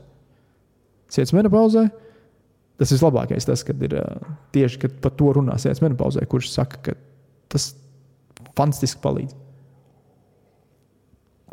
Un tie ir tie pētījumi, kas pagaidām ir. Es domāju, ka pētījumi neaizies nevienā citā virzienā. Viņi nevar aiziet vairs nevienā citā virzienā, jo ir pilnīgi skaidrs, ka skriešana, nūjošana, jogošana un tādas lietas šī gadījumā nebūs tas pats labākais, ja vispār nepalīdzēs šīm lietām, tādai novecošanai. Tāpat laikā skriešana ir fantastiska, sirdī nojošana ir fantastiska, sirdī vienkārši pastaigas ir fantastisks kā tāds, jo, piemēram, nenovērtēt par zemu, vienkārši pastaigu. Es atceros, es atceros no tāds projekts arī, kas jau lēnām nu, viņš, jau, viņš jau vairs nav tik aktuāls kā mans uzturprojekts, bet nu, tāds projekts kā Nē, perfekts, kur ir arī treniņi iekšā. Uh, un tajā projektā es uh, lieku katru otro dienu iet cilvēkiem staigāties, kā treniņi. Jo cilvēki jau grib kā kādiem trenēties, un ļoti daudz man teica, ka tas ir mainījis nenormāli daudz ko viņa dzīvē. Vienkārši ielikt pastaigu ikdienas iekšā vai pārdienas pastaigu. Pastaigs ir nenormāli jaudīgs, pastaigas ir nenormāli spēcīgas. Cilvēkiem nav obligāti jānostaigā tie 10,000 soļi. Par to beigas strīdās, cik jānostaigā. Bet, ja cilvēks nostaigā dienā tos 10,000 soļus, tas noteikti beigas labi. Tur baigi daudz kaloriju sadedzinās. Cilvēki ļoti bieži fokusējās to, ka, oh, oh, pat dienā vajadzētu noskriet 5, 10 km vai aiziet uz treniņu, bet aizmirst to, ka īstenībā nostaigājot dienā 10,000 soļus, viņš sadedzinās vairāk kalorijas. Tas ir vēl interesanti lieta, ko ievies savā ikdienā, kas ir par kuru kurai nav varbūt tādas pozitīvas nozīmes, ko mēs tagad runājam, uz, uz, uz, uz, uz, uz, uz, uz, uz teiksim, nu, sirdi noteikti būs, uz acīm būs, uz smadzenēm būs, jo atpūtinās smadzenes un tam līdzīgi. Pastaigās gan bieži. Es, piemēram, arī klausos visādus podkāstus, tāds kā, šī, tāds kā šis. Ja. Uh, Bet tas palīdzēs vienkārši kaut kādā elementārā kaloriju kontrolē ikdienā. Ja? Tad, tas, tas noteikti palīdzēs. Tāpēc uh, neviens sporta veids nav slikts visam ir kaut kāds pozitīvais, atrodams. Bet, ja mēs gribam apstādināt, no, apstādināt mēs nevaram. Es atvainojos. Ja gribam palēnināt novecošanu, uzlabot savu pašsajūtu, zaudēt svāru arī šī vecumā, jau, nu, no, jau, jau šī procesā, tad, tad es runāju gan par. Tad es jau tagad par vienu runāju. Ja, tāpēc, tas attiecās uz pilnīgi visiem. Tas, tas attiecās gan uz to periodu pirms menopauzes, Tad, kad viņi sāk, kad sāk, kad, kad saka, ka nekas nestrādāja, kad sākās jau svara pieaugums, kad sākās šīs pārmaiņas, šīs izmaiņas, ja, un nu, tad, tad jau, jau, jau negatīvās izmaiņas dēļ tā, kad jau hormoni iet lejā, gan arī tad, jau, kad jau nav vairs tie hormoni. Jo kas tad ir menopauze? Es kā nepieminēju, kā, kā tas visiem būtu jāzina. Tiem, kas klausās šo podkāstu, visiem būtu jāzina ka menopauze ir uh, iestājās oficiāli tajā brīdī, kad sievietei nav 12 mēneši bijuši mēneša reizes. Tad oficiāli tajā brīdī iestājas menopauze. Un pēc tam tas ir periods jau pēc menopauzes, kad jau hormoni ir nokritušies lejā un īstenībā viņi lēnām vēl turpina kristies, bet viņi jau ir nokrituši ļoti zem un lēnām turpina kristies. Tā tad, lai uzlabotu šo te, uh, visu to pašajūtu, ir šie treniņi vienkārši ir vajadzīgi. Un, viss, tas ir jāpieņem kā fakts. Tas, ka mēs esam uzauguši kaut kādā sabiedrībā, un tā ir visā pasaulē ir uzauguši šī sabiedrība, kas uzskata, ka treniņi nav vajadzīgi, kas sievietēm vispār nav jātrenējas, ir tāds uzskats, jā, vai vispār sievietēm nav jācelās svari, vai kaut kas tam līdzīgs. Tas baigi mainās pasaulē. Uzreiz ir pateikts, mainās, jo visi pētījumi rāda, ka ne tikai vīriešiem, sievietēm pat vēl vairāk nodara tas, ka viņas cilās šos svarus. Vīrieši vēl īstenībā pat. Vīrieši pat vairāk piestāvētu, ja tur ir sevišķi vecumā, ja tur tie, tie, tie, tie, tie gārga balnieki, ultramaratonisti un tam līdzīgi. Viņiem arī vajadzētu gan padomāt par muskuļu masu un tam līdzīgām lietām. Sievietēm tas švakāk strādā, viņām vairāk vajadzētu pastrādāt uz šito. Ja, pat ja dara visas tās lietas, ko mīl darīt, kaut kādas velobraukšanas, skriešanas, nojošanas, tam līdzīgas, šito vajadzētu vismaz reizes nedēļā ieviest. Nu, tas būs kāds minimums, ja reizes nedēļā kaut kādus spēka treniņus un augstu intensitāti. Piemēram, tos pašus augstu intensitātes treniņus es nebiju domājis nevienā brīdī, katru dienu, ka tas jādara. Es iesācēju, nedomāju, ka vairāk kā reizi nedēļā vajadzētu vispār augstu intensitātes treniņus taisīt. Nu, nevajadzētu vairāk, jā, bet viņus vajadzētu taisīt vispār. Okay, tas būtu par treniņiem. Jā, tad, tad, uh, jā, tad, tad, tad, tad, tad, tad, tad. Nu, jā. Es saprotu, ko es, es tagad ātri iemetīšu atsimās, ka es visu pateicu, ko es gribēju teikt. Jā. Niansīte vēl viena, ah, tas jau bija uzturā, ok. Nu, jā. Nu, tur jau tā lieta, to jau es arī gribēju pateikt. Šo, tad, tad, uh, un otra lieta, jā, tad, tad, kad, lai šo te vēl vairāk stimulētu, ir stimulēt šo muskuļu aušanu, biomaiņas saglabāšanu, pat pātrināšanos, muskuļu saglabāšanu. Jūs redzat, kas ir novecošana. Novecošana ir arī ļoti lielā mērā tieši fiziskā novecošana, ir muskuļu zaudēšana. Tauks jau nezaudē, tauki jau ir. Tieši muskuļi krītās, jeb obaltumvielas ķermenī samazinās. Nobaltumvielas samazinās visur. Obaltumvielas ir visur. Obaltumvielas tās ir āda, mati, uh, Nagi zobi, starp citu, zobi tāpēc arī paliek sliktāks vecums. Kaulos ļoti daudz obaltumvielas, un tie ir muskuļi arī. Un muskuļos, nu jā, un tad, tad, tad lai mēs, tad, tad mēs varam stimulēt ar šiem treniņiem šo muskuļu veidošanos, bet, lai viņi veidotos, mums vajag obaltumvielas apēst. To es gribēju teikt par uzturu. Tātad uzturā mums ir ļoti spēcīgi jāfokusējas uz obaltumvielām. Pirmkārt, visiem cilvēkiem tas jādara. Tas ir fakts. Visiem cilvēkiem tas jādara, īpaši sievietēm. Īpaši sievietēm, kuras ir pat uh, kuras ir dzemdējušas un iznēsājušas bērnu, viņam baigi vajadzētu fokusēties jau tajā brīdī vispār uz obaltumvielām. Bet, ja nav, piemēram, ja sieviete ir dzemdējusi vienu, divus, trīs bērnus, saprotiet, padomājiet, no kurā veidojās bērns bērns tad veidojas sievietes ķermenī, izmantojot to, ko sieviete apēd. Ja viņa neapēd, tad tas, kas ir sievietei, jo viņš jau neveidojas no gaisa un ūdens vai no, nezinu, no kā. Viņš neveidojas no olšūnas. Tā ir pirmā šūna. Ja? Un pēc tam tā šūna sāk augt tālāk. Lai šūna augtu, viņai vajag izēju materiālu. Cilvēki sastāv apmēram 30% no cilvēka ir, nu, lielākā daļa ir ūdens, bet 30% ir obaltumvielas. Bērnam es nezinu precīzi. Tiešām nezinu, iespējams, vairāk ir ūdens, mazāk obaltumvielas. Es, es to nezinu, varbūt vairāk ir obaltumvielas, mazāk ūdens, bet tās obaltumvielas tur ir kaut kur jādabū iekšā. Ja sieviete ēd ļoti maz obaltumvielas, un tas ir tas, ko es novēroju, numur viens, jebkurā vecumā sieviete ēd par maz obaltumvielas, bet ja ēd par maz tajā laikā, tad organisms izmanto tad šis jaunais tad organisms izmanto savas rezerves, lai izveidotu šo jauno dzīvību. Jo organismam jaunā dzīvība ir absolūtā prioritāte numur viens. Pat lielāka gandrīz prioritāte nekā pats sieviete. Tur gan tas prioritātes noteikti vienāds. Jo nu, tur jābūt jāiznēsā gan dzīvība, gan pašai jāpaliek dzīvē. Bet, ja netiek apēsta pietiekami daudz olbaltumvielu, tad tas olbaltums tiek paņemts no locītavu skālu, bet jau muskuļi. Tiek ņemts no muskuļiem. Tad sieviete iznēsā vienu, divus, trīs tādus bērnus. Un tad tas olbaltumvielu deficīts, muskuļu deficīts ir milzīgs. Un tad, diemžēl, arī jāsaka, mēs nonākam līdz periodam, kad jau sāk vēl trakāk tas viss samazināties, un tad ir vēl trakāk. Ja. Tāpēc es teiktu, visiem pilnīgi ir jāēd olbaltumvielas, un sievietēm jo īpaši. Jo īpaši, īpaši tām, kuras nu, ir dzem, plāno bērnus, ir stāvoklī noteikti, kas kurām jau ir bijuši bērni, atjaunot šīs rezerves, kuras, ja tā nav, ja, ja nav pareizi ēst tajā laikā tad tas ir jādara obligāti. Bet, tātad, ja tas nav darīts, mēs sasniedzam šo vecumu, mums jau ir šīs problēmas, ja? mēs tad, tad uh, stimulējam šo muskuļu veidošanos, vai vismaz nezaudēšanu stimulējam, tad mums ir jāēd šīs to baltumvielas klāt. Un šeit ir īpaši svarīgi pēc tāda īpaši jaudīga treniņa sievietēm. Lai gan dzīvē tas nevienam nav svarīgi, tas ir vecs mīts, ka pēc treniņa obligāti ir jāpēd obaltumvielas. Ja? Tas ir tāds, lai varētu pārdot vairāk šos šeikus. Tāds mīts ir pilnīgi pietiekami jebkuram cilvēkam normāli pāriest pārtiku. Bet šī variantā gan ir ļoti interesanti sievietēm, tātad, tad, kad ir sācies šis te, uh, perimenopauzes.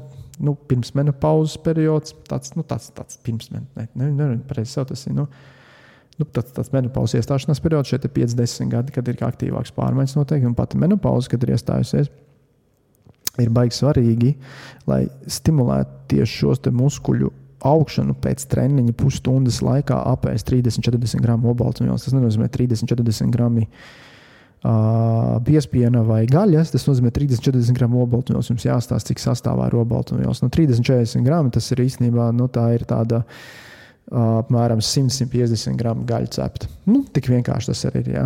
Plus, baigi vajadzīgs ir viena tāda aminoskābe, ko sauc par leicīnu. Leicīns ir baigi vajadzīgais, lai veidotos muskuļi vispār visiem Tas ir ļoti lā, spēcīga, vajadzīga obaltumviela, aminoskābe, precīzāk, atvainojos, aminoskābe, kas ir, vajadz, kas ir obaltumvielas jau normāli iekšā, kas ir vajadzīga, lai veidotos. Un šeit bišķīt ir problēma ar augu valsti, tāpēc, ka augu valstī tik daudz leicīna nebūs, lai sasniegtu šo maksimālo potenciālu. Visvairāk leicīns ir gaļā, jā, gaļā un citos dzīvnieku valsts produktos. Ja jums patīk vairāk augu valsts produkti, Jūs teorētiski varat, nevis teorētiski, jūs varat šo pašu apmānīt, apēdot vismaz tikpat daudz olbaltumvielas no augu valsts produktiem, bet leicienu uzņemot papildus. Tas būs baigi vajadzīgs. Papildus nozīmē, uh, ir tāds BCAA, ko nopirkt. Tur ir daudz leicīnu, bet jums vajag 5-6 gramu pēc viena treniņa. Vidēji.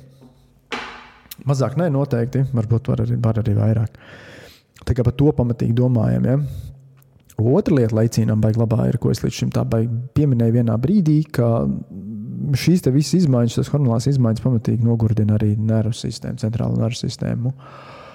Un, iet, un ietekmē īpaši menopauzes, šis periods, kā jau teicu, pārējais periods no normālas dzīves uz menopauzi. Šis ļoti smags, ne visām, bet varbūt ļoti smags daudzām sievietēm. Un tur arī atkal leicīns interesanti pierādīts, ka viņš palīdz. Uh, palīdz vienkārši ķermenim, palīdz, uh, viņš šķērso, uh, viņš nonāk, kā jau teicu, tajā nervu sistēmā, nonāk tur tas leicīns, un viņš palīdz vieglāk dzīvot ar šo te, es to teiktu, vai grūti izskaidrot, tad palīdz vieglāk izdzīvot šo periodu.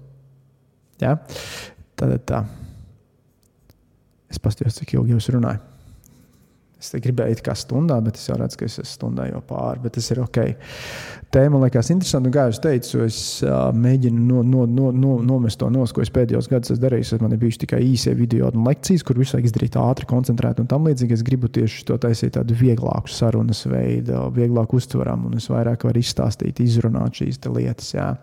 Uh, es varu kaut kur, varbūt, ja man tas ir dators priekšā, kaut ko piemirst, arī kaut kur paskatīties. Jā. Nu, tā, tā, lai tas ir tāda kā saruna kad jūs klausāties un ļoti daudz ko iegūstat sev. Tas gan, tas gan, to gan es gribu saglabāt, atšķirībā no lekcijām, ja, ka jūs kaut ko iegūstat sev. Jā, lekcijas noteikti varētu, ja viņas būtu, viņas ir koncentrētākas un ātrākas un lēnākas. Un, un, un, Nu, tam līdzīgi. Ja. Nu, jā, tās ir tās, div, tās divas lietas, kas ir viena tā pati lieta. Tātad, obaltumos. tātad, ja jūs ēdat, piemēram, tik daudz gaļu, tad lēcienu atsevišķi nav jādomā. Tur jau ir tas lēciens iekšā. Ja. Bet uh, normālā veidā tas ir, ja jūs ēdat, nu, piemēram, nu, ja jūs neēdat dzīvnieku izcelsmes produktus, vai ēdat viņus ļoti maz, vai negribat viņus ēst. Ja jūs ēdat maz, tad atstājiet viņus obligāti pēc treniņa. Ja jūs ēdat viņus maz vai neēdat vispār, ja tāda ir jūsu izvēle, noteikti tā izvēle, tad jums tikai ētiski iesaku. Veselībai tas neko, neko nemaina. Jūs ēdat vai nē, ēdat. Es atsevišķi taisīšu noteikti atsevišķu podkāstu par gaļas ēšanu. Bet, ja tad ja jūs neēdat, tad, nopērciet ir lēcīns atsevišķi, un to var nopirkt tādā populārā uzturbagātinātājā, kā BCAA. Jā. Bet tur atkal jāskatās grami. Nekādus fancy nepērciet, pērciet tas, kas ir, kur ir vairāk grami par zemāko cenu. Tur neko citu nevajag. Un skatieties, attiecīgi izcelsmes, vai tas nav dzīvnieku izcelsmes. Bet vien BCAA nav dzīvnieku izcelsmes arī. Uh, tā kā tā. Un, kā jau teicu, tad, tad uzturā tad, tad, tad šī ir ļoti svarīga lieta. Un uzturā vispār, jā, tad, tad, uh, kāpēc vēl baltumvielas vajag? Tātad, pirmkārt, šiem muskuļiem, Otrām kārtām vajag arī šeit nervu sistēmai, lai normālāk strādā. Bet tas ir tā nervu sistēma, tāda vairāk nomocīta, tad, kad ir visgrūtāk, jā, tad, kad ir šie karstuma viļņi, kad ir depresija, nāk, ir tas noskaņojums sliktāks. Pēc tam, kad iestājas menopauze vasarā, sievietēm jau pazūd šīs te visas tie pazūd tik šie te šīs, te, mm, šīs sliktās lietas, kā jau teicu, pazūd vai izzūd gandrīz pavisam, vai lielākoties pazūd. Ja? Bet tieši tajos grūtākajos periodos ir vairāk vajadzīgs šis lēciens un nobaltumvielas. Parunāšu nedaudz par nobaltumvielām, kas bija abs absolūti atsevišķa podkāstu vērta tēma. Es par gaļu noteikti runāšu kaut kad, bet uh, atsevišķi podkāstu vērta tēma ir par obaltumvielām. Jo obaltumvielas, uh, ko viņas izdara vēl labi, ja jūs ēdat daudz obaltumvielas? Uh, jāsaprot to, ka obaltumvielas piedalās pilnīgi visos ķermeņa procesos. I imunitātē, i hormonos. Ok, par hormoniem smieklīgi runāt, tad, kad viņi vairs nav ja? šajā, šajā aspektā, ja? bet, nu, teiksim, tad, kad viņi jau veidojas. Tad, kad viņi vēl veidojās, ja? tad um, gan ādai, nagiem, matiem, locītavām, kauliem, es jau to teicu, ja? tur visur ir obaltumvielas. Ja jūs ēdat adekvātu daudzumu obaltumvielas, jums arī lēnāk novecos izskats. Un arī, ja jūs ēdat vairāk obaltumvielas, viņš var nedaudz uzlaboties, tad, viņš jau ir novecojis. Nu, tur baigi daudz, protams, neuzlabosies. Un, protams, ka dabiski neko apstādināt nevar. Pirmkārt, mēs sapratīsim, ka neko apstādināt nevar. Bet uzlabot, palēnināt mēs gan varam pamatīgi. Un obaltumvielas šeit ir ļoti svarīgas. Bet kā vissvarīgāko obaltumvielām, es teiktu, viss, viss, vissvarīgāko ir es gribētu teikt to, ka, ja jūs ēdat adekvāts olbaltumvielas, ja tā pateikšu, ko nozīmē adekvāts olbaltumvielas, ja jūs ēdat adekvāts olbaltumvielas, ikdienā viņas būtu jāēd katrai dienai reizē, jo olbaltumvielas mūsu organismā neuzkrājās, tauki uzkrājās. Viņus, viņus mēs labprāt izmantojam visos procesos, ja uzkrātos tauks. Ja. Uh, Olhidrāti bišķīt uzkrājās arī. Obaltumvielas uzkrājās ļoti maz. Viņas vajag ēst visu laiku, jo viņas organismam visu laiku vajag. Ja viņas nav tajā brīdī pieejamas, organisms viņas ņems no muskuļiem vai arī kaut ko neizdarīs, kas būtu vērtīgi izdarīt. Ja. Un to mēs negribam. Tāpēc mums obaltumvielas jāēd visu laiku, jāizdala pa dienu, kaut kādās 3-4 ēdienreizēs jāizdala. Tad mēs apēst pa dienu viņas visas. Ja. ja mēs ēdam adekvātus obaltumvielas katru ēdienreizē, Obaltumvielas ir tas, kas dod vislielāko sātu. Ko tas nozīmē? Ar piebildu ar vismazāk kalorijām vai vispareizākajām kalorijām. Ja jūs apēdat adekvātu obaltumvielas, jūs dabiski pēc tam apēdīsiet mazāk ēdienu vispār, un dabiski jums gribēsies mazāk. Tas nenotiks vienā dienā. Visādi saldums, uzkots un tam līdzīgi. Tas pat ir apstulbinoši, cik man daudz cilvēku to ir teikuši. Man pašam tā sajūta, es ļoti labi zinu to sajūtu, jo es bieži vien neapēdu pareizo daudz, pareizo daudzumu obaltu, es, es apēdu bieži vien par maz arī. Mm, ļoti regulāri par maz apēdu. Ja. Mm. Tā sajūta ir tāda, ka tad, kad apēdu pietiekami daudz obaltumvielas, tu vienkārši vari staigāt, es nezinu, par garām saviem visgaršīgākajiem mēdieniem, vienkārši pastīties. Un, tādu nopūtu, bet man negribās. Nu, tagad negribās. Un tā ir fantastiska sajūta. Un tā ir visadorīvojošākā sajūta uzturēt. Tāpēc es tik bieži uzsveru obaltumvielas, ka ar obaltumiem palīdzību var dabūt šo atbrīvojošo sajūtu, ka tu pārņem kontroli pār savu uzturu. Nevis uzturs kontrolē tevi. Piemēram, mājās arī, ok, es neesmu sieviete menopauzes vecumā, bet tas attiecās visiem vecumiem. Mājās vienmēr stāv čips, saldumi, kaut kādi augļi, es skatos, un tur, tur stāv. Viss kaut kas stāv mājās. Un, nu, neietekmē. Tad, kad es esmu paēdis, obaltumvielas īpaši. Tad, kad es neesmu paēdis, tas vienkārši ar viņus visu laiku, visu dienu, tad, kad tu neesi paēdis, pirms kaut kāda skrieno, skrienošāka diena, nepēdi vai kaut ko tādu, tu visu dienu vari staigāt un ēst, ka nakstināties, ka nakstināties, ka nakstināties, ka nakstināties visu vakaru, ka nakstināties, šņakstināties un ņemties. Un tāpēc obaltumvielām ir milzīga nozīme. Protams, nevar nepiebilst to, ka sabalansēt, ka vispār arī menopauzē, tad šī vecumā vispār jādomā par sabalansētu uzturu kā tādu, bet es negribēju iedziļināties tajā jautājumā šodien. Tas absolūti nav tā tēma.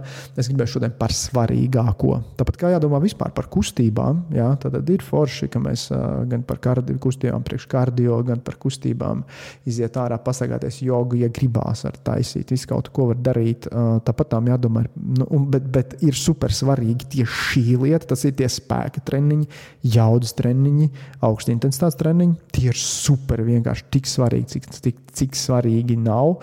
Un es gribētu teikt, ka man bez mazliet gribās apņemties, ka man būtu tāda misija, es gribētu ievilkt aizvien vairāk un vairāk seniorus tieši un cilvēks, tas būtu, tie būtu seniori, kā vīrieši un sievietes, un arī sievietes, kas nav vēl sen, kurus nesauc senioriem. Jā, tad jau šī te, te, kad jau tuvojas menopauze, vai, vai, vai viņi vēl nav, ir netālu, ja, ievilkt iespējas vairāk šajos spēku treniņos. Kas nav tikai un vienīgi strādāt ar dzelžiem, tam līdzīgi, bet kas arī ir tas, kas ir labākais, no kā nav jābaidās, ja ir kvalitatīvi treneri. Es gribētu aizvien vairāk, vairāk, vairāk cilvēku šī visā ievilkt tā varētu būt mana varbūt, misija to izdarīt, ja? lai viņiem palīdzētu kvalitatīvi novecot. Lai tā mūsu sabiedrība ir kvalitatīvāka, nevis nu, jā, vienādsakot, lai kvalitatīvāk sabiedrība, lai mainītu šo domu, ko mēs varam darīt un ko mēs varam nedarīt savā vecumā. Tā, tā, protams, ka ir svarīgi vispārējais. Jā, šajā periodā, kad ir ļoti grūti, kad ir eh, šīs hormonālās straujās pārmaiņas, uh, ir fakts, jā, ka mm, diezgan pamatīgi traucē, jā, kad ir par daudz. Bet tad, tad, kad ir par daudz, Tad, kad ir normāls kalorijas, tad tik ļoti netraucē, bet traucē noteikti traucēs uh, gan kaut kāds alkohols, traucēt, gan kafija var traucēt. Uh, gan viennozīmīgi ātrie ogļhidrāti var traucēt, jā, un cukuru un tam līdzīgi. Bet arī pie nosacījuma, ka viņi ir noteikti tikai par daudz. Jā. Tāpēc kaut kādās normālās robežās mēs viņus joprojām visus varam lietot un. Es gribētu tā teikt, jā. bet šī periodā varētu būt pamatīgi. Ka, piemēram, ogļhidrāti kā tādi ir vajadzīgi, obligāti vienkārši. Bet, piemēram, šī periodā, tad, kad estrogēns nav vairs, jau, jau kad šie hormoni nav, piemēram, organisms uh, Uh, ne šī pārmaiņu periodā, tieši kad nu, šis pārmaiņu periods ir. Jā, pēc, pēc, tad, kad iestājas menopauze, tad atkal organisms māca diezgan ok izmantot arī sportojot uh, uzkrātos taukus. Bet šī pārmaiņu periodā viņš kaut kādā veidā diezgan slikti tiek klāt uzkrātajiem taukiem, un viņš paļaujas principā uz ogļhidrātu enerģiju. Tas nozīmē, ka ogļhidrāti ir jāēd, jo ogļhidrāti ir daudz neuzkrājas organismā. Jā, piemēram. Bet tas ir tāds, tā ir nianses, kas nav tik svarīga. Kas svarīgāk, protams, būtu sportistiem, kas ir ļoti sportiski cilvēki. Tiem būtu ļoti svarīga šī nianse, ka sievietēm, piemēram, šī periodā būtu vairāk, kā, lai dabūtu to jaudu priekš treniņiem, īpaši priekš garākiem treniņiem. Jā, un, un, un, ja nav tās jaudas, jā, tad ir jāpaļaujas tiem ogļhidrātiem. Un šeit noteikti pēdējais, kam klausīties, ir tur kaut, kaut, kaut kāda keto diēta, kaut ko palīdzēs. Nezinu, pēdējās muļķības. Jā, pirmkārt, sievietēm vispār nevienā vecumā nav piemērota. Ja? Šī periodā vispār čau. Un fastings arī teikšu, šī periodā vispār čau. Viņš nav piemērots sievietēm vienā vecumā, un noteikti ne šī vecumā. Ja? Par to noteikti vajadzētu kādu atsevišķu podkāstu, ja? lai, lai, lai, lai, lai, lai, lai, lai, lai, lai, lai, lai, lai, lai, lai, lai, lai, lai šo izrunātu. Ko tu piemēram, ja, teiksim, kad ir šis te periods, kad uh, sieviete tad, tad tuvojās menopauze, ja šī periodā. Nevis tad, kad iestājas jau, bet kad tuvojās šī menopauze, kad jau sākšās šīs pārmaiņas, ja kortizols jau tāpat, tas stresa hormons jau tāpatām ir nodarbināts, un tad tur palīdz ar to kortizolu arī tik galā, tas kā tās obaltumvielas, bet tieši kortizolam, teiksim, kaut kādu fastingu ņemt klāt, vai kas vēl, vēl vairāk kortizolu kā lai saka, palielina, nu, nav vajadzīgs jā, šī brīdī. Jā, tas, ir pēd, tas ir atkal viena no lietām, kas, kuras sievietes bieži uzķerās. Baigi tas, ka man, man ir arī klienti daudz Lietuvā. Tas, tas nav svarīgi. Noteikti vienā, ka es strādāju arī Lietuvas tirgu, tas ir absolūti nesvarīgi. Ja? Tā ir ļoti daudz klientu Lietuvā, protams, arī sievietes ļoti daudz. Tur, tur ir keto diēta tik nenormāli izplatīta Lietuvā. Tur viss sievietes. Es negribu teikt, ka bez mazliet tur kaut kāda 80% no sievietēm, kas nonāk pie maniem, uh, viņas ir pamēģinājušas nesenā laikā keto diētu. Un visām tur ir diezgan smagi. Nu, tas, tas, tas bija tāds, oh, jā, man strādāja, un pēc tam vienkārši viss ir slikti LV. LT noteikti. Jā, tā tā. Tāpēc nu, tas, tas ir atkal tas, ka viņas ir noķertas uz kaut kādu solījumu, ka būs viegli, kā tagad ar keto sakārtos kaut kādus tur šitos diabetes tojušos un tam līdzīgas lietas. Nē, citas lietas ir jādara. Jā. Tad zinātnē saka, ka citas lietas jādara un, un, un, un, un, un jānodarbojas ar citām lietām. Jā. Tad tas būtu uzturā noteikti jāvērā. Bet es par to pārējo sabalansētu uzturu negribu runāt. Nu, skaidrs, ka tur dārzeņi būtu vēlami, vispārējais būtu vēlami un tam līdzīgi. Jā. Tas, tas, jau, tas, tas jau tāds pamatlieta, kas būtu skaidrs. Okay, tas būtu par uzturu un par sportu. Tādas svarīgākās lietas vispār, ko ievērot. Bet ir vēl viena lieta, ko es gribēju parunāt jau nobeidzot šo visu, ir hormonu aizietošanas terapija. Nav noslēpums, ka visvairāk pašnāvības sievietes izdara ap 50 gadu vecumu. Tam ir gan tā saucamie sociālai-ekonomiskie faktori, to, ko es runāju pašā, pašā sākumā. Sieviete nejūtās vairs, viņa nesaprot, ko darīt savā dzīvē. Ja? Viņa nesaprot, kur iet savā dzīvē, kas viņa ir ļoti bieži tur ir problēmas, tas, ka attiecības it kā ir, kā tas saprot, jau vairs nav. Viņas kaut kas tur vīrs tur aizgājis kaut kur savos jau. Nu, tur tas nav, darbā vairs nav. Nu, jā, nu, viņi arī nejūtās vairs. Nu, kā sāk beigties jau sievišķie hormoni, arī libido sakrītās. Ja? Starp citu, libido arī var uzturēt arī ar šo te ar, ar obaltumvielām, ar treniņiem. Labāk uzturēt, kamēr viņš vēl ir uzturēt viņu, jā, teiksim, stimulēt. Uh, tas krītās. Uh, Un papildus tam nāk tas, ka nu, ir šīs straujās pārmaiņas, un, un, un kā jau teicu, ir uh, nogurdināta nervu sistēma un tam līdzīgi. Un tam noteikti nāk līdzi depresija, slikta pašjūta un tam līdzīgi. Un sievietes ļoti daudzas, ok, es nevaru neizmantošu vārdu ļoti daudz, tāpēc ka noteikti tā nav. Ļoti daudz, ne, bet daudzas sievietes jūtās ļoti slikti šajās pārmaiņās. Ļoti slikti. Arī arī tīri no, to, no, tīri no tā, nu, protams, ka tā dzīve pirms tam viņi varbūt nedomāja par to dzīvi tik daudz. Uh, neizdarīja preventīvi visas tās lietas, ko es runāju, ja, ko vajadzētu darīt, ko nevajadzētu darīt. Nevajadzētu tās diētas ieturēt, nevajadzētu to, nevajadzētu to, nevajadzētu to. Vajadzētu vairāk domāt jau par ēdienu, laicīgi, par obaltumvielām, jau laicīgi domāt visu. Vajadzētu, bet ja viņi nav domājuši, nu, ko, tad, tad vienkārši pakritīsim ar pirkstu, cieta tagad, ja? tā ne. Bet tā kā ļoti daudz sievietes šo ļoti, ļoti cieši šo periodu, tad uh, var palīdzēt hormonu aizvietošanas terapija. Viņai ļoti negatīva pieskaņa daudziem. Tikko dzird hormonus, aizvietošanu, kaut kādu hormonu dzeršanu, tas ļoti negatīvi ir. Bet To noteikti neklausieties manī. Es jums nevaru izrakstīt arī hormonus, bet parunājieties ar saviem ārstiem. Parunājiet sākumā ginekologu. Ja jūs ginekologs ir kategoriski pret, noskaidrojiet, kāpēc. Ja viņš vienkārši ir pret, parunājieties ar vairākiem specialistiem. Īpaši, ja jums ir rīktīgi slikti. Īpaši, ja ir rīktīgi slikti, jā. Hormoni var palīdzēt. Hormoni var palīdzēt. Vismaz uz kādu brīdi. Vismaz šo pārlaistu, šo trako brīdi. Tas nenozīmē, hormonus lietot visu mūžu. Teorētiski tos dabiskos hormonus, ja nav, nu jā, teorētiski tos dabisko estrogēnu var pat lietot visu mūžu, cik es zinu. Bet, okay, bet tā nav mana specialitāte. Es tikai gribu parunāt par šo. Tādā ziņā, ka iedrošināt to ideju, ka, piemēram, ja ir rīktīgi viss slikti, un bieži vien ir tik slikti, ka es varu te stāstīt, ko es gribu. Es varu stāstīt par visādām metodēm, visu kaut ko, bet līdz tam nevar tikt tikai tāpēc, vien, ka ir tik slikti. Tā ir. Tā ir ļoti daudziem cilvēkiem. Tad, piemēram, šī hormoni, šī hormona aizvietošanas terapija var palīdzēt dabūt atpakaļ labo sajūtu. Labu sajūtu, dabūt vienkārši normālu, normālu ķermeņa darbību, lai nav grūti pašam būt savā ķermenī, lai nav grūti. Un tad, kad ir dabūts šis atpakaļ, tad veidot šīs dzīvesveida izmaiņas, sākt šīs labās lietas. Tas ir tieši tāpat kā tagad ar tiem populārajām tievēršanas zālēm. Mums ir citas tievēršanas zāles, tagad izmanto kaut kādas diabetes zāles, jau to Ozempiku Latvijā un citu ārzemēs ir citādāk nosaukumi. Tur. Viņas izmanto ļoti daudz tagad ieviešanā. Nepareizi, protams, tāpēc, ka tā, es tagad lietošu viņu un es ar neko nedarīju. Bet ideja tāda, ka arī tuvākajos gados noteikti būs ļoti daudz zāles, un viņas jau tiek testētas. Daudzām sliktas blakus, blakus parādības. Viņas tiek nenonāk tirgu, bet, bet nonāks aizvien vairāk, vairāk labākas tirgu. Ja? Nonāk tirgu zāles, piemēram, kurām var palīdzēt kontrolēt apetīti. Tas ir pats svarīgākais, ko šīs zāles, dara. Viņas kontrolē apetīti, ja cilvēkam gribas mazāk ēst. Bet šīs zāles ir jāuztver kā palīgs tam, piemēram, viņas var iestartēt svaru krišanos.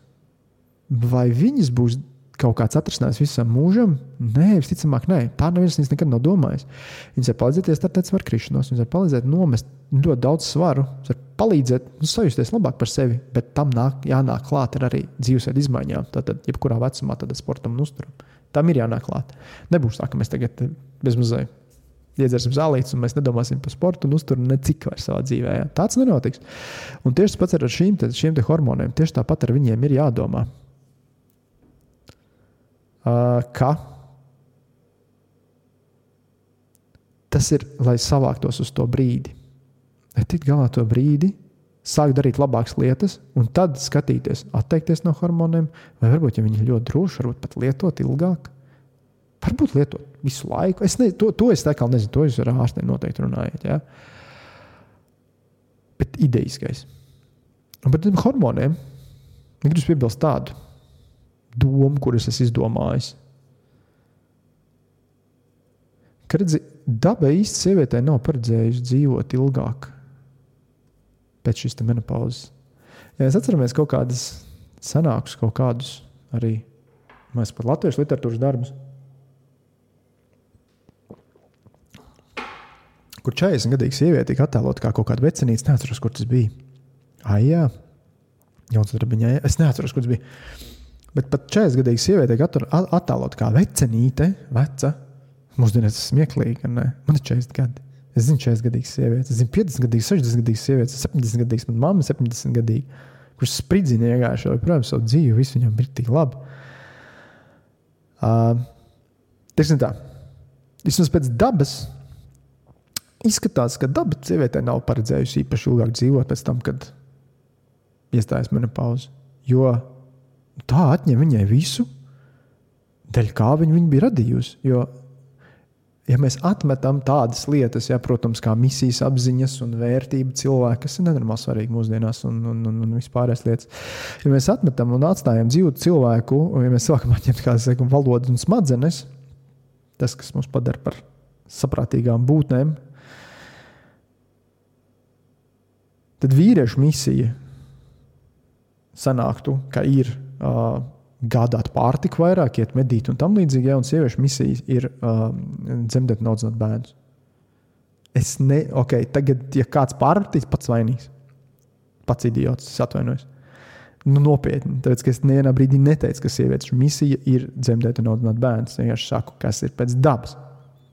Ja mēs tā paskatāmies no šāda viedokļa, tad sanāk, ka daba atņemot sievietei hormonus, ar kuru palīdzību viņa var vienkārši radīt pēcnācējus.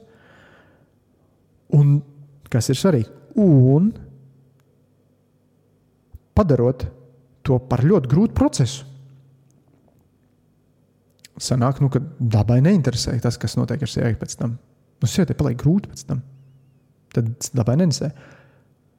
Tā kā mēs kā cilvēki esam tomēr saprātīgi, domājam, runājam, varam, un esam iemācījušies dzīvot ilgāk, un nepadarīt sievietes tikai par mm, bērnu dzemdēšanas un, un audzināšanas, uh, kā lai saka, tikai, tikai šim. Sievietēm ir daudz lielāka un vērtīgāka nozīme mūsu dzīvē.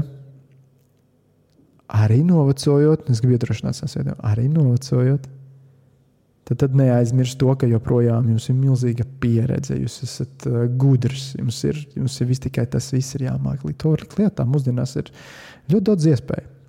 arī tādiem privātiem biznesiem un tam līdzīgi. Vienkārši nedrīkst nobaidīties, bet tam ir jābūt labai pašjūtai apakšā. Bet tā tad, tā tad, tā kā daba šo te visu ir atņēmusi, bet mēs esam izdomājuši, kā dzīvot ilgāk, tad jautājums, kāpēc mēs nevarētu izmantot kaut kādas metodes, kā apmānīt to dabu? Un viena no tām metodēm ir šī hormonu aizvietošanas terapija.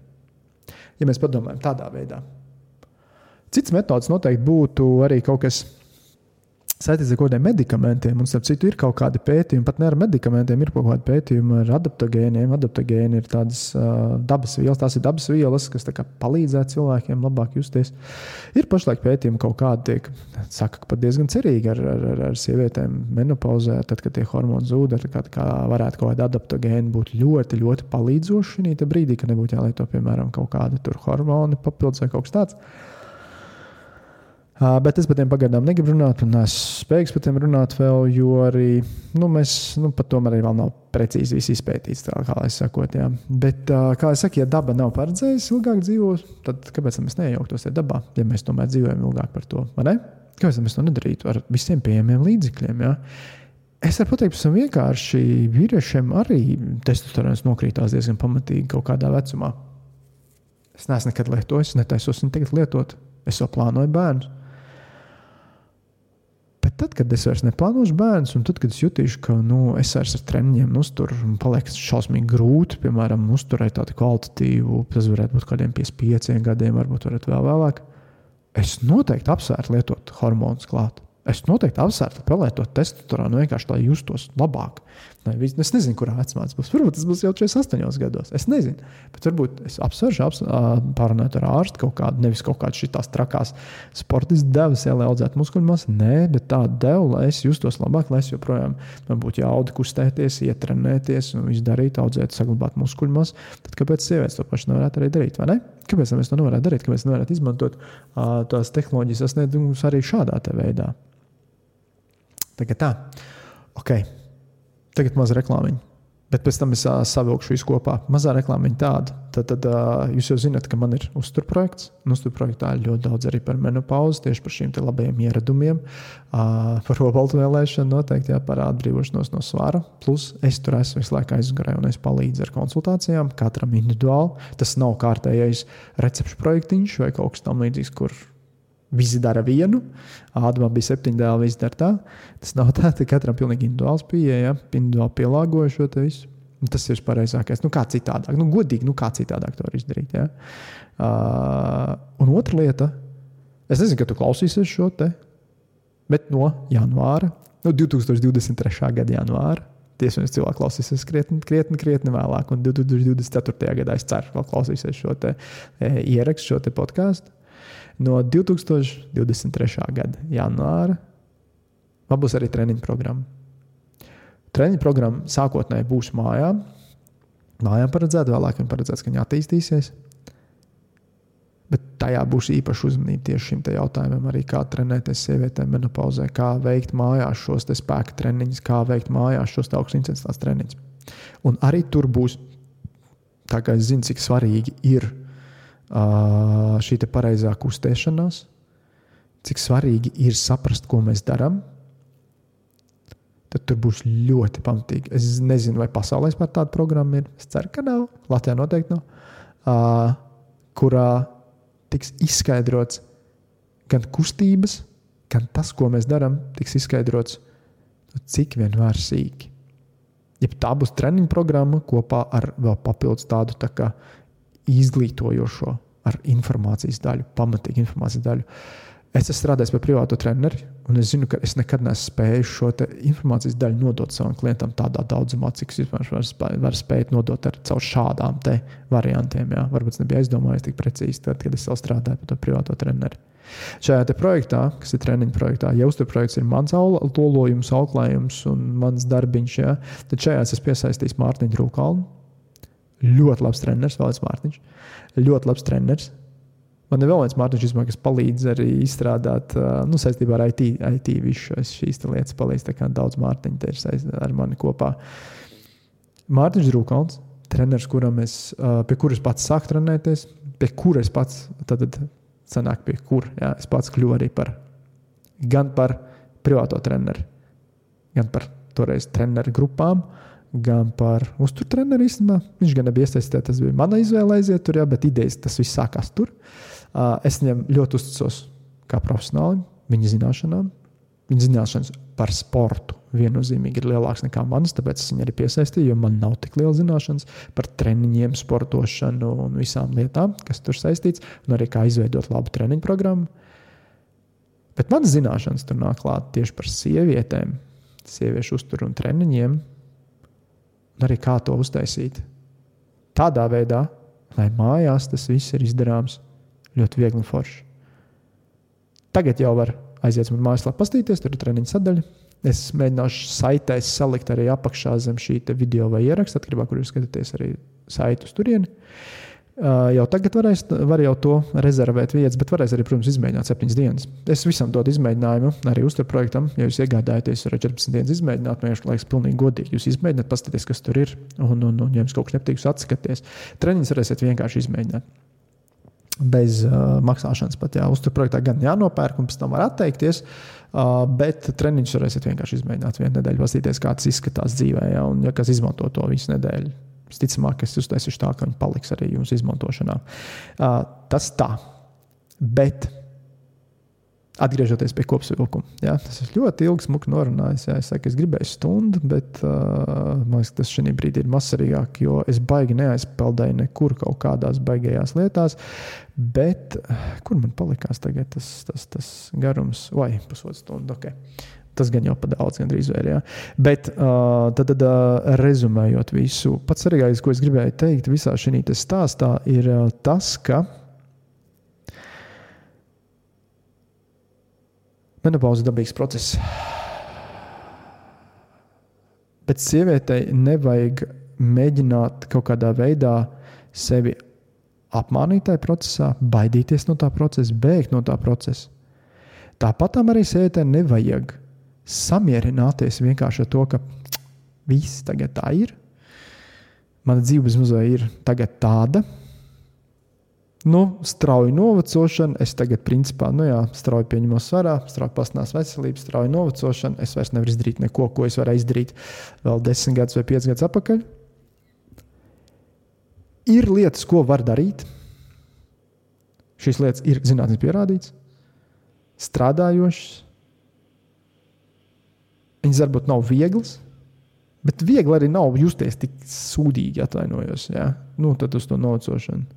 Bet viņas nav arī tik grūtas. To, var, to vajag un var padarīt par dzīvesveidu. Tāpēc ar to es arī gribu nobeigt šo podkāstu, ierakstu, kas ir veltīts visām sievietēm īstenībā, patiesībā. Bet jo īpaši sievietēm sanāk pēc 40 bet noteikti arī sievietēm 50, 60, 70, 80, 90 gadu vecumā. Tāpēc padalieties arī ar šo podkāstu. Noteikti iedodiet kaut kādā audio veidā, noklausīties tām sievietēm, kuras uh, varbūt mazāk lieto internetu, mazāk lieto podkāstus, mazāk lieto uh, YouTube, jā, sociālos tīklus un tam līdzīgi. Tad arī tādā vecumā, lai viņas izdzird, jo varbūt, piemēram, tu savai vecmāmiņai vari mainīt diezgan kvalitatīvu dzīvi. Un tev, būt, tev pašam būs pašam arī būt, pašam pašai būt arī. Prieks redzēt, ka viņas dzīves kvalitāte uzlabojās, un tu noteikti vari atbalstīt viņu šajās arī izmaiņās, tāpēc ir dzīves izmaiņās. Tāpat kā vajadzētu atbalstīt sievieti pubertātē, meiteni kļūstot par sievieti, vajadzētu atbalstīt. Es ceru, ka tas tā notiek. Es nezinu, pat tas man ir nezināma lieta. Tas runā tikai par tām pārmaiņām, uzturu un pārējām lietām, tajā un treniņiem. Es ne, nevaru runāt par to, kas tur notiekās. Man pašam aug divas mazas meitenes, to es izbaudīšu noteikti un atbalstīšu viņas. Bet arī sievietēm šajā vecumā vajadzētu noteikti atbalstu, palīdzību. Un, un, un šis ir tas, ko var darīt. Kā lai saka, neiekrītot nekādas pseidozinātnes vai kaut kādas mārketinga bedrēs un grožos, neiekrītot kaut kādās muļķībās, kas principā var teikt, ir bez maksas. Var teikt, ka tas ir bez maksas. Ok, nu treniņi nekad nebūs īsti bez maksas. Jā, viņi kaut kur kaut kādā veidā par kaut ko būs jāmaksā. Jā, ka tev, jā, ka tev mājās jānopērk kaut kāds hantelīts jā, vai kaut kas tāds laika, jā, vai, kaut, vai, vai kaut kas tāds. Bet tas sākums varētu arī mājās būt, ja atrod internetā kaut kāda bezmaksas treniņu programma, varētu arī būt pat bez maksas. Jā. Tā kā un ēšana mēs jau tāpat tā mēdam, Mēs jau ēdam. Cilvēki ēd. Nav viens cilvēks, kas teiksim, pārstājas ēst. Jā. Tas ir tikai pekstiņš, ka ir tādi daži, kas no saules gaismas barojās. Uh, Mēs tāpat ēdam, mums vienkārši bija šī varbūt jāuzlabo, jāpadomā vairāk par to ēšanu. Īpaši menopauzē. Un es atceros vienu lietu, ko es nepateicu. Olbaltumvielu daudzumu. Žēl, žēl, ka es nepateicu uzreiz. Es, es viņu slēgtu, turēju prātā, turēju prātā, turēju prātā, un es nepateicu to olbaltumvielu daudzumu. Tas olbaltumvielu daudzums, par kuru es runāju, tas ir sievietēm menopauzē, vajadzētu sākties apmēram diviem gramiem olbaltumvielām uz kilogramu masas. Protams, mēs nerunājam, ja, tā, ja sievietei jau tur ir uh, ļoti liels liekais svars, tas būtu viņš mazāk, jā, tur kaut kāds 1,6 gramu vai kaut kā tam līdzīga, bet principā uh, tas būtu kaut kādi. Tā, tas būtu kaut kādi divi grami olbaltumvielas uz kilogramu. Tas var likties daudz, Bet tas īstenībā nepārsniedz 30% no jūsu uzņemtajām kalorijām. Ja jūs tā parēķināsiet tam līdz tālāk. Ja? Tas var likties daudz, bet ja pēc šāda daudz jūs redzēsiet, cik ļoti jums uzlabojās sācis, miers, veselība un vispārējais. Un to gan es gribu beigt. Viss, čau!